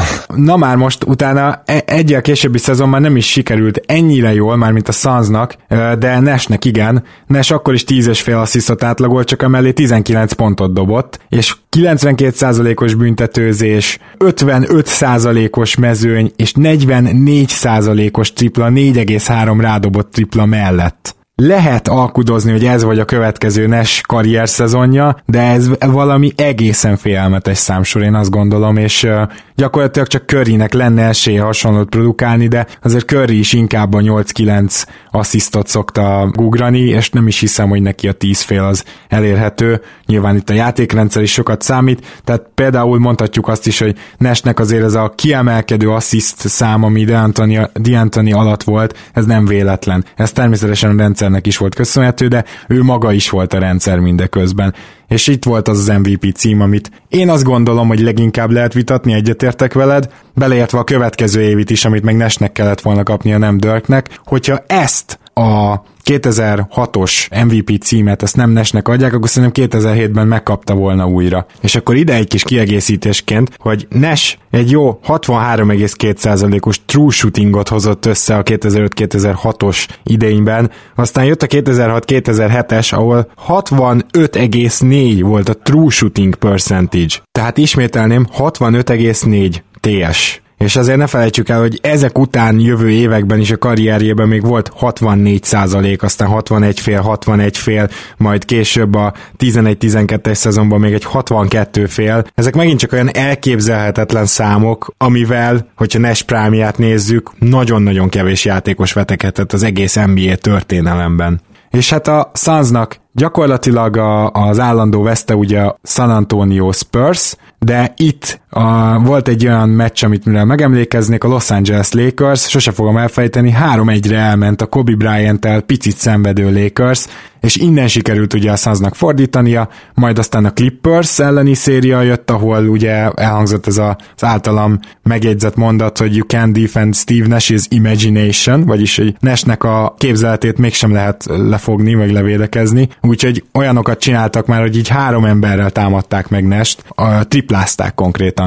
Úgyhogy itt már azért a liga is tudta, hogy valamit kell vele kezdeni, de a Dallas korábbi csapat volt ezúttal a végállomás, és nem a Spurs. És gondolom, hogy te is emlékszel erre a szériára, Zoli, mert hát azért lássuk be, hogy Dörknek a élet első nagy lehetősége volt, amikor így döntőbe jutott, és akkor az egész narratíva az volt, hogy a két barát egymás ellen játszik. Igen, sőt, egy, egy fiatal makára is emlékszem, fiatal Kunzsoltra, aki Törk 50 pontos meccse után valami ilyesmit írt, hogy nem kell elszállni tőle, hát igen, akkor ő, de ezt később is vallotta nekem egyébként írta, azt hiszem talán fóruma, hogy, hogy akkor még az egy nagyon elfogult, fiatal, szenvedélyes szurkoló volt, úgyhogy én azért elájultam akkor Dirk 50 pontjától, és attól a Mavs-től is, és picit egyébként, ha már így szóba hoztad a 2007-es MVP versenyfutást, szerintem azt Dirk teljes mértékben megérdemelt, azért 67 mérkőzés nyert akkor az a Mavs, és hát akkor is sőt, akkor szerintem még inkább divatban volt ugye a legjobb csapat, legjobb játékosa nyerje a címet mantra. Hát ez az egyik, a másik pedig, hogy két MVP cím után nem tudom mit kell csinálni, hogy egy harmadikat is megkapja egy húzamban. Tehát, hogy hát ez, ez a két... lenni, vagy, vagy Michael Jordannek, körülbelül, vagy körülbelül. Karim, Abdul-Jabbarnak. Nes pedig azért nem ez a játékos volt, még ha egyébként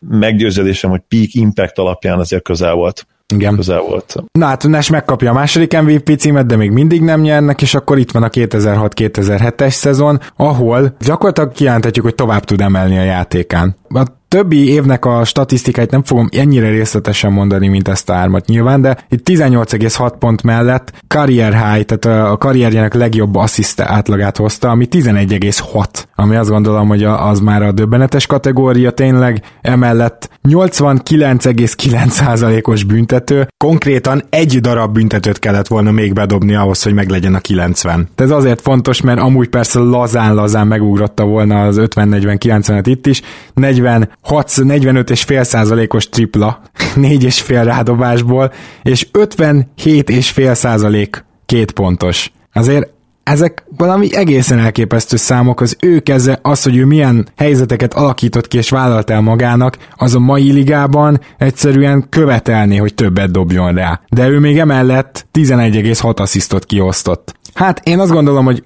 statisztikailag nézve ő neki kellett volna az MVP-nek lenni, mert ilyen szezont akkor Dirk sem hozott, és teljesen igazad van, az, e- az egyik faktorban én meg megadtam a másikat, értjük, hogy miért nem ő lett, sem triplázni nem volt valószínű, sem az nem, hogy az akkor fantasztikus szezonfutó Dirk és a fantasztikus szezonfutó Mavericksből ne kerülhessen ki ugye az MVP. És Mit akkor... persze, hogy Dirk melyik szezonban csinálta meg az 50-40-90-et? Csak nem ebbe, de...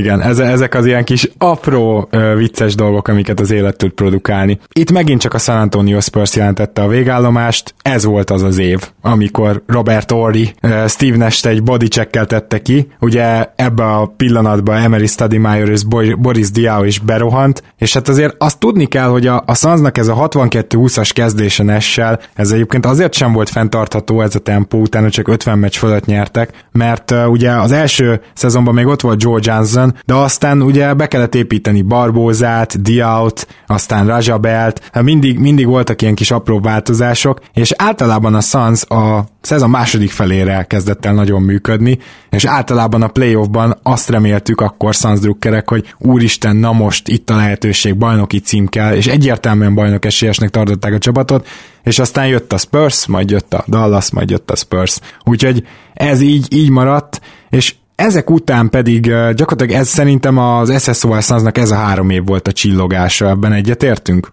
Abszolút, abszolút, és én a mai napig biztos vagyok abban, hogy, hogy ez a csapat bajnoki csapat szintjén volt, és az, az igazság, hogy ha még ha semleges szurkolóként vizsgálom és gondolok vissza rá, akkor is ki kell jelenteni, hogy megérdemeltek volna egy bajnoki címet. És akkor most jutunk el oda, hogy jön egy-két olyan szezon, amiben simán megvan az 50-40-90, de itt már ugye Merion elcserélés, Sek érkezett, tehát itt kezd szétesni az a nagy csapat gyakorlatilag. A következő szezonban simán hoztan és az 50-40-90-et egy laza 47%-os triplával, amit 4,7 kísérletből ö, sikerült végrehajtani, tehát ez talán a legjobb dobó szezonja volt, és aztán a 2008-2009-es is nagyon jól sikerült, ott is lazán hozta az 50-40-90-et, ott meg egy 93,3%-os büntető, amit egy évvel később 0-9-0-10-ben megismételt, csak az már 93,8% lett. Ezek egészen brutális magasságok, azért ezt mindenképpen kiemelném. Ebben az évben is megcsinálta az 50-40-90-et, tehát magyarán itt három évben egymás után Úgyhogy ez a játékos volt Steve Nash a Sunsnak, és ezekben az években is nagyon nagy élvezet volt a Suns nézni, attól függetlenül, hogy már csak Stadi Meyer volt ott, aki gyakorlatilag folyamatosan sérült volt, olyan játékosok kezdtek el feltűnni, ugye, mint Tim Thomas, és ne feledjük el, hogy ugye 2009-es szezonban ott még volt egy ilyen, senki nem számított rá, de egy újabb feltámadás, és konferencia döntőt játszotta a Suns. Úgyhogy azt gondolom, hogy az meg már teljesen Nesnek köszönhető, aki ilyenkor már 35 éves volt, és még mindig tudta ezt a peak szintet tartani. Azt hiszem, hogy nála ezt is meg kell említeni, és a Sunsnak a híres orvosi stábjánál is, a, amikor láttuk azt, hogy Nes mennyit fekszik az oldalvonal mellett, hogy a hátát ne bántsa, akkor lehet, hogy még nem is tudtuk ezt igazán értékelni, de aztán ugye teltek az évek, és elérkezett a két levezető lakers szezon, és azt gondolom, hogy ott már egyértelművé vált, hogy Nes miért fetrengett ott az oldalvonal mellett. Igen, sajnos az utolsó évek, amik hát Golden Years-ként is bekerülhettek volna a liga históriás könyvébe, mert az a Lakers roster az, az ott volt tehetségben. Sajnos többek között Nash egészsége miatt nem kerülhettek be, illetve nem történhetett meg ez, a, ez az államszerű lezárás, amit egyébként ő személy szerint megérdemelt volna, és, és még akkor is örültem volna az ő bajnoki címüknek, hogyha egyébként több játékosuk voltak itt, tehát szívből utáltam. De ahogy mondtad, teljesen egyértelmű volt, hogy, hogy az ő háta akkor már nem volt olyan szinten, nem volt egyszerűen karban tartható, és tényleg csak szteroid injekciókkal játszhatott volna, ami, amit nyilván nem akart ő, és nagyon helyesen egyébként szögrés akasztotta utána, és azt gondolom, hogy így teljes értékű életet élhet a 60-as éveiben is, mert egyébként Nash egy, egy sokat mozgó, energikus és egészségtudatos figura, aki hát nagyon ritkán leissza magát, mint, mint ahogy emlékszünk arra a híres fotóra, Igen. amit Dörkel készült közösen. Hihetetlen karrier volt az övé, és én mai napig nagyon jó szívvel gondolok vissza rá, és az egyik all-time kedvenc játékosom marad, akit, akit tényleg csak tisztelni, becsülni lehet. Egyszerűen nem tudok olyan dologról, olyan, olyan személyiség részletről, vagy, vagy olyan jelenetről az NBA-ből, hogy akár plegykáról, ami Steve Nash rossz fényben tüntetné fel. Hát igen, és mindeközben egyébként ő neki az első feleségétől ugye ikerlányai születtek, 2004-ben, 2005-ben házasodtak össze, 2010-ben jött a, a második, vagy inkább azt mondanám, így harmadik gyermek, ő fiú volt, és ekkor bejelentette Nes, hogy elválnak, úgyhogy ilyen szempontból is nehéz lehetett ez a 2010, meg hát olyan szempontból is, hogy 2010-11-es éve talán az első olyan, vagy, vagy, vagy azt mondjuk, hogy az utolsó Prime éve, tehát amíg, amíg benne van a prime és akkor 36 éves, ezt ne felejtjük el, vagy az első olyan, ami már nem, tehát ott mindenképpen elérkezett ez a fordulópont is, de azért Nest nem kellett félteni, azóta már 2015-ben összeházasodott az új feleségével, és azóta is már tőle is van egy, ha jól tudom, lánya. Úgyhogy azért Nesnek az élete végül is szólódott, meg megoldódott, de ezt mindenképpen érdemes megjegyezni, meg azt is, hogy például a kanadai ilyen legmagasabb elismerést már pályafutása alatt megkapta, ez a Order of Canada, vagy valami hasonló, talán úgy fordíthatjuk le, hogy a kanadai legfősőbb érdemrend, és emellett pedig ugye már rengeteg elismerést kapott a karrierje alatt is, tehát azért mondjuk, hogy underrated, de például a Times-ba benne volt 2000 2005-ben azt hiszem, vagy 2006-ba, igen, ez 2006 lesz, tehát a második MVP-je után, a száz legbefolyásosabb ember között a világon. És ugye nyilván itt a befolyás nem, nem csak a száz leggazdagabb, vagy kell itt érteni, nem feltétlenül ugyanaz, mint a legbefolyásosabb. És ugye Nesnek a hatását az, azon is lehet mérni, hogy a rep számok általában rengeteg van, amelyik NBA játékosokat emleget, de Nes az ilyen kiugró volt. Tehát nyilván mondjuk talán nem annyiszor, mint Jordan vagy James, de Nest elképesztően sokan emlegették akkoriban. Nekem például teljesen random, tehát anélkül, hogy most így utólag megnéztem volna, emlékem azt, hogy megvettem egy új Twista lemezt, igen, akkor még lemezeket vettünk, a fiatalabb hallgatóink figyelmébe ajánlom, és hát amikor hallgattam, Bocs, hallgattam... CD lemez, nem? Igen, igen, igen, igen. Ja, mert az igen, tehát a, a lemez az meg még egy, hát igen, nem hiszem, hogy van olyan hallgatónk, aki, aki konkrétan lemez-lemezt vett, bár... Igen, bár ugye most van egy reneszánsza a bakelitnek, úgyhogy... Igen, hipster módon megveszik, de nem hiszem, hogy, hogy annó. Igen, minden esetre tiszta elemezen jött így szembe, és akkor így, hogy azt hiszem valami olyasmi volt, hogy úgy irányítom a csapatot, mint Steve Nash, when, nem tudom, when I breeze past, amikor elviharcok mellett, tehát valami ilyesmi volt, és akkor már akkor feltűnt, hogy így azt, amit keres ez itt, aztán utána ugye jött Nelly Furtádónak és Timbaladnak a közös száma, ami egy ilyen világsláger lett, és abban is meg van említve Steve Nash, hogy fel tudod hozni MVP szintre a, a játékot, mint Steve Nash, nyilván nyilván nem arra a játékra gondoltak, és hát nyugodtan meg lehet nézni, hogy ilyen, ilyen több, tehát ilyen 20 fölötti említés van Nashről rap és egyéb számokban, úgyhogy ez is tök érdekes, hogy azért az a kis, fehér, kanadai, törékenynek tűnő srác, aki MVP tudott lenni a nagyok ligájába 190 centisen, szóval ez a sztori már akkor is nagyon megfogta az embereket, és ez nem csak Currynél volt ez a jelenség, hanem előtte Nesnél is. Igen, nagyon érdekes, és nagyon szeretem, amikor a popkultúra találkozik az NBA világával. Erről is lehetne majd egyszer egy külön adást csinálni, nyilván Michael Jordanról nagyon sokat beszélgetnénk Allen Iversonról. Steve Nashről talán ebben a vonatkozásban nem annyit, de ahogy mondtad, az jelzésértékű, hogy a peak évei alatt hány rep előadót megikletett az ő játéka. És akkor amit még szerintem Nessel kapcsolatban érdemes elmondani így összefoglalva, az az, hogy mi az, amiben ő valójában megváltoztatta a játékot, ugye Mike D'Antonival. Az első az az volt, hogy ők addig soha nem látott már, mint az, az előtti 15 évre gondolva nyilván, tehát abból kiindulva soha nem látott magas pészre emelték ezt a játékot, magas tempóra. A másik pedig, hogy egy olyan támadó sémát vezettek be, amelynek gyakorlatilag az volt a lényeg, hogy minél hamarabb tiszta dobáshoz Matthews, és azt vállald el, valamint gyakorlatilag egyre több tripla lett a, a Suns játékában, és ez a tripla emelkedés, ez gyakorlatilag itt kezdődött meg. Mert hogy utólag például Popovics is elmondta, és még sok egyző elmondta, hogy azért ők nyitott szemmel jártak. Tehát, hogy lehet, hogy egy év után még úgy sokként érte őket, de két év után már szemérmetlenül elkezdtek játékelemeket lopni a Suns-tól. És hát D'Antoni rendszerét pedig mi sem igazolja jobban, mint hogy később Kendall Marshallból is csinált egy hónapon át egy ilyen tizen pár pont tíz asszisztos irányítót, tehát hogy gyakorlatilag ő pedig annyira kiforrasztotta Nesse ezt a rendszert, hogy minden irányítónak az álma lett. Az más kérdés, hogy most már egy picit mást játszanak, sokkal inkább ISO heavy offense van ugye gyakorlatilag minden második pozíció ISO-ból van Houstonban, de ettől függetlenül az a Mike D'Antoni és az a Nash ezeket a dolgokat változtatta meg az NBA-ben, és szerintem a shooting is Nash-sel kezdő, kezdett igazán felértékelődni.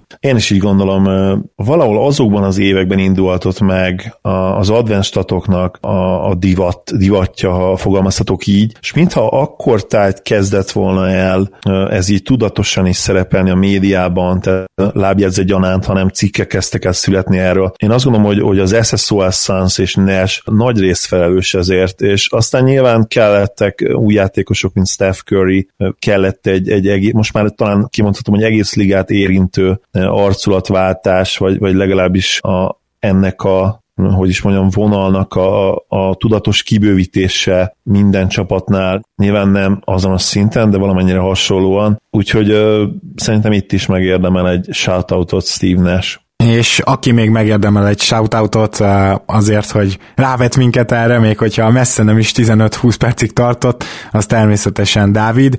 Köszönjük szépen, Dávid, hogy támogatsz minket, és remélem, hogy tetszett a NES karrier visszatekintőnk, összefoglalónk, mint ahogy nektek is kedves hallgatók. Akkor jöjjön a harmadik témánk, mert most már így elég hosszúra nyúlik ez az adás, ezt egy picit rövidebben el tudjuk intézni, nem azért természetesen, mert szeretnénk kevésbé foglalkozni vele, ezt is kielemezzük, de ez nem akkora téma, viszont nagyon érdekes, és ezt nem másnak köszönhetjük, mint Kancsárákosnak. Azt írta nekünk, így elindult valamerről, és aztán abból lett egy kérdés, hogy az NBA szezon legizgalmasabb, legjobban várt része számára a draft, elmondta, hogy gyerekkori kedvenc játékos a Kobe Bryant, és ugye ő 13. választott volt csak, és mostani kedvence pedig Antetokounmpo, aki 15. helyen lett csak kiválasztva. Hogyan lehetséges, hogy mindkét franchise player több mint 10 előzték meg a saját draftjukon, kinek a hibája, és jöttek jöttek itt a kérdések, hogy vajon ugye Kobe Bryant lehet, hogy ő volt minden idők legnagyobb stílje, és mi főleg az Olival ebből az irányból kérdezt, közelítettük meg, mert itt több kérdés volt, de talán, talán innen lehet legjobban becsatornázni, hogy hogy lehetséges az, hogy, hogy így ennyi en átugranak egy játékost, valamint egy utolsó Kobe Bryant szerintem all-time top 10 játékos, természetesen lehet vitatkozni, igaz Zoli? Akár Gábor is írattál volna, mert ezzel én is vitatkoznék, de igen, ezzel vitatkozunk, de mi van akkor, hogyha csak top 15 vagy top 20? Yes, igen, azt gondolom, hogy a top 15-tel nem lehet vitatkozni. Igen. Nálam 12. hely környéken szokott lenni, top 15-tel nem igazán lehet vitatkozni, bármennyire is szeretnék, de azzal nem lehet. Na top 10 most... én azt gondolom, hogy lehet. A, éppen ezért mondom, hogy ha a top 15, akkor is azt mondhatjuk, hogy legit érvelés lehet, hogy minden idők legnagyobb stílje de ennek azért egy picit utána jártam, mert hogy ö, találtok néhol ilyen cikkeket, hogy ki minden idők legnagyobb stílje, meg top 10-es lista, de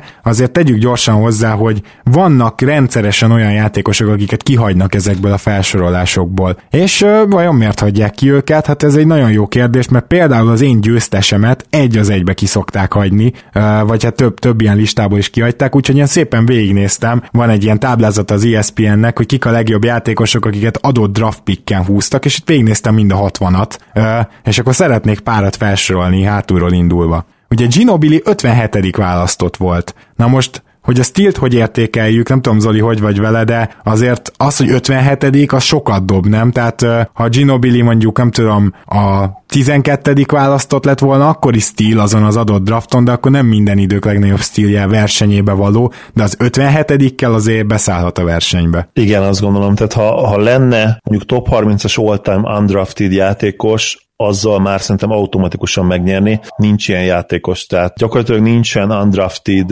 all-time superstar. Talán a, az egyetlen, aki hát szóba jöhet, az ugye Ben Wallace, de hát tudjuk, hogy azért az ő játéka, bár iszonyú impactja volt, nagyon-nagyon specifikus. Igen.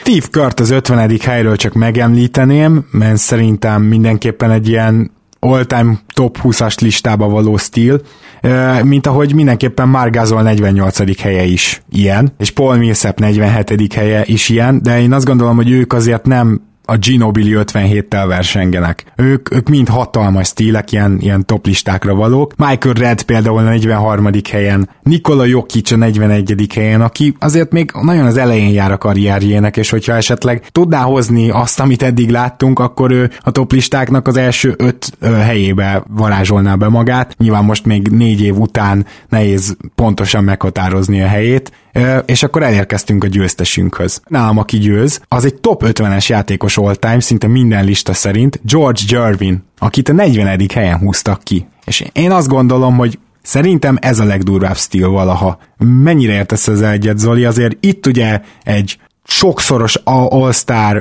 franchise playerről beszélünk mert itt egy, egy fél percet gyorsan utána nézek, mert valami nekem gyanús. Az a gyanús nekem, hogy ezen a listán sincs egyáltalán rajta, amit én nézek, és most hogy a francba lehet lehagyni, valami, valami nem stimmel, de mi a szar nem stimmel? Azt, hogy akkor még eleve, ugye három fordulós volt a draft, és őt a 40. helyen vitték el, de mondjuk három fordulós draft az, az nagyjából nem. Igen, vele az az érdekes, hogy ő az AB ligában maradt egy ideig, és ugye nem egyből az NBA-be került, tehát hogy ott a spurs gyakorlatilag kezdte meg a karrierjét, de ettől még ugye egy 40. draft volt, azon, azon ez sem segít. Igen, és egyébként amikor a listákat nézegettem, akkor például a, a Fox, Fox Sports egyik listáján ő egyáltalán nem volt benne a top 12-be, ami, ami egészen hihetetlen. Viszont uh, találtam egy másik listát is, amit a Bleacher Report uh, rakott össze, bár én annyira nem szeretem a Bleacher Reportot egyébként, de, de ezen a listán ott volt már az hatodik helyen. Abszolút lehet érvelni amellett, hogy, hogy ő minden idők legnagyobb stílje. Nyilván Manu Ginobili-nek is van egy nagyon jó pedigréje. Pedigréje, igen, és mellett is lehetne érvelni. Nálam talán, talán ő nyerne aztán nyilván lehetne említeni még mondjuk Alex English-t is, aki szintén egy all-time great játékos volt, lehetne Kobit említeni, lehetne Dörköt is, akár lehetne Nest is, akiről így beszéltünk, sőt, tehát minden hármaikról beszéltünk ugye ma, Tony Parkert esetleg, aki 28.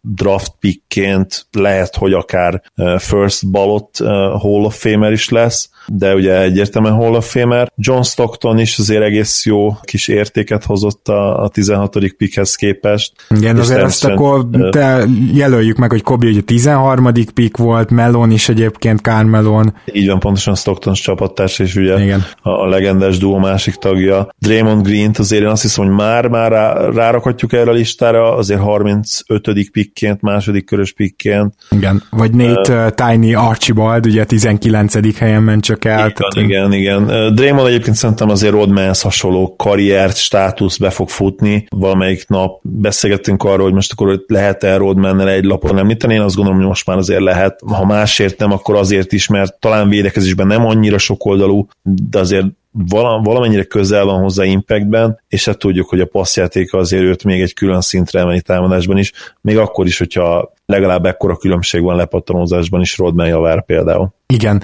Tehát akkor gyakorlatilag végigsoroltunk itt mindenkit, és most azon kell elgondolkoznunk már, mint Jervinbe, akkor gyakorlatilag vagy egyetértünk, vagy azt mondjuk, hogy Gino, vagy esetleg azt mondjuk, hogy a 13. helyen Kobi. Tehát Igen, azt hiszem, hogy a top 3 az nálam is ez, ez a három játékos lenne. Igen.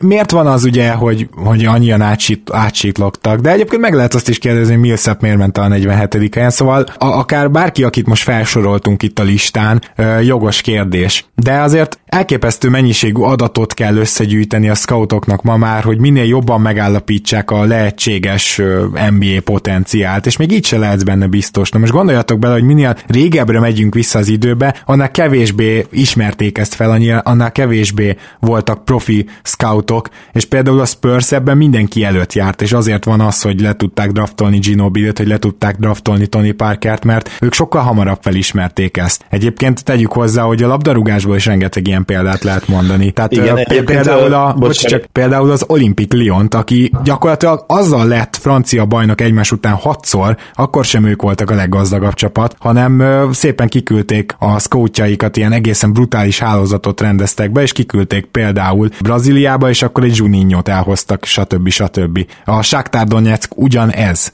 Úgyhogy ez az NBA-ben is működött, és a nagy stílek azok általában olyan csapatokhoz kerültek, akiknek valamiért a scouting hálózatja jobb volt, mint a többieké. Juninho egyébként szerintem egyértelműen minden idők legjobb szabadrugás lövője, és lehet, hogy akkora különbség van közte és a második legjobb között, mint mondjuk Steph Curry és a második legjobb tripla dobó között. Na mindegy, ezt most csak így mellékzöngeként mondtam el. Teljesen egyetértek amúgy. Visszatérve Spursre, én Manuért még nem is adok akkora kreditet nekik, akkora elismerést, mert Manu konkrétan Európa legjobb játékosa volt, mielőtt elvitte a Spurs. Szóval ott szerintem, hát hogy is mondjam, több csapatnak kellett volna sokkal okosabbnak lennie maradjunk annyiban, illetve a, ha már ugye azért felmerült az ő scouting rendszerük, illetve az ő scoutjaiknak a tehetsége, illetve az ő kollektív jó szemük, ha így fogalmazhatok, akkor Tony Parker az, aki szerintem viszont nagyon nagy találat. Nyilván Manu is az, de, de azt szerintem látnia kellett van sok mindenkinek. Tony Parker nem feltétlenül. És ezért mondom azt, hogy, hogy azért összességében a Spurs nyilvánvalóan meg, megérdemel mindenféle dicséretet, mert kettő-három ilyen húzás azért nem lehet véletlen, és ugye Kawait is említhetjük ezen a vonalon, még akkor is, hogyha nyilvánvalóan nem végződött jól ez a történet. Így van, de azért ugye becseréltek gyakorlatilag Kawaiért, és hát ez a 15. hely, ez így lazán felvonultatja az elmúlt 20 évből Nest, hát most már nem 20 évből, de mondjuk 22-ből Nest, Antetokumpot és Kawai Leonardot, azért picit erős ez a dolog. nem tudom, valahogy a 15. helynek van valami varázsa, meg a, ezek szerint a 13 is. A, az okokra még visszatérve én még azt is mondanám, hogy sokszor van, hogy egy játékos ilyen vagy olyan okból egyszerűen nem tudja megmutatni még az NBA karrierje előtt, hogy ő mennyire jó lesz. És ez lehet például egy sérülés is a főiskolán, de az is lehet, hogy egy eldugott a főiskolába játszik, vagy például ugye nem kevés európai játékos volt ezen a listán sem, hogyha belegondoltak, ugye Jokicot, Margazolt, Steve Kerr, Ginobili-t, Tony Parkert, vagy éppen Nest nézve, aki ugye kanadai, Antetokumpot, aki görög, úgyhogy azért itt nem véletlen az, hogy több mint a fele gyakorlatilag ezeknek a stíleknek nem az Egyesült Államokban született. Igen, ugye itt jön be az a képbe, hogy talán még a mai napig is hajlamosak kicsit lejjebb rangsorolni Európából jövő játékosokat annál, mint ahol igazából kellene, és Jokic is nagy valószínűséggel ennek az áldozat, áldozata lett, de említhetném akár Manut is, aki ugyan,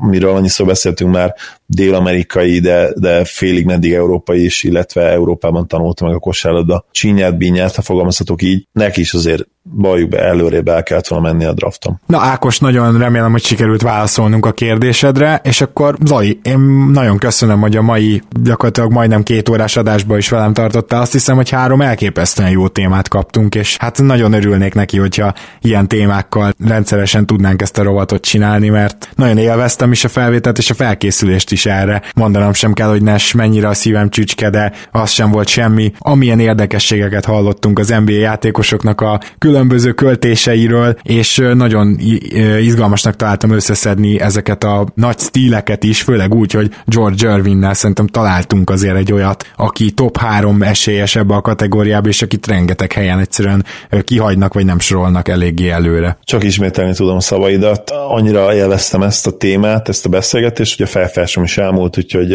Ákos, ezt is köszönjük neked. Na, és hát akkor azt reméljük, hogy a következőkben körülbelül heti háromszor tudunk jelentkezni, azért most már lassan srácok beindul a nagyüzem, közeledik az NBA rajt, mi még sok csapatnak az off-season értékelésével tartozunk, ezen is dolgozunk ezerrel, és hát hamarosan már training campből kapunk híreket, hamarosan, hogy úgy mondjam, felpestül az NBA világa. Úgyhogy addig is tartsatok velünk, nagy valószínűséggel még ezen a héten is jelentkezünk egy adással, és ne felejtjétek el azt sem, hogy most most már nem csak ti tudtok minket támogatni a patreon.com per keleten-nyugaton oldalon keresztül, hanem mi is tudunk titeket, hiszen a throwusback.com-on 5% kedvezmény jár nektek innentől csak azért, mert a keleten-nyugaton hallgatjátok. Ne felejtjétek, keleten-nyugaton egybeírva ez a kuponkód, és jó nézelődést kívánunk. Szia Zoli, sziasztok! Mielőtt még elköszönök, így van, közeleg a szezon, ami még fontosabb, a mi kettőnk szülőnapja is nagyon közeleg, ami egymáshoz közel van. Süt a nap,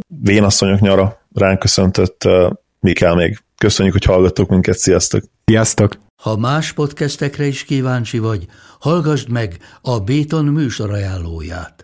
El tudod képzelni, hogy a podcastet, amit éppen most hallgattál, fél év múlva már a mesterséges intelligencia generálja? Mi sem. De ha érdekel, eljötte már a gépek lázadása. Hallgass bele az Embertelen podcastbe. Orsós Lajos vagyok, a műsor házigazdája. Egyelőre még élőben. Egyelőre. Fedezzük fel együtt, hogyan ismerkedik, randizik, mesél és vitatkozik Betty és Péter, két teljesen mesterséges intelligencia. Lajos, a podcast címét mond még egyszer, Léci. Oké. Okay. Embertelen podcast.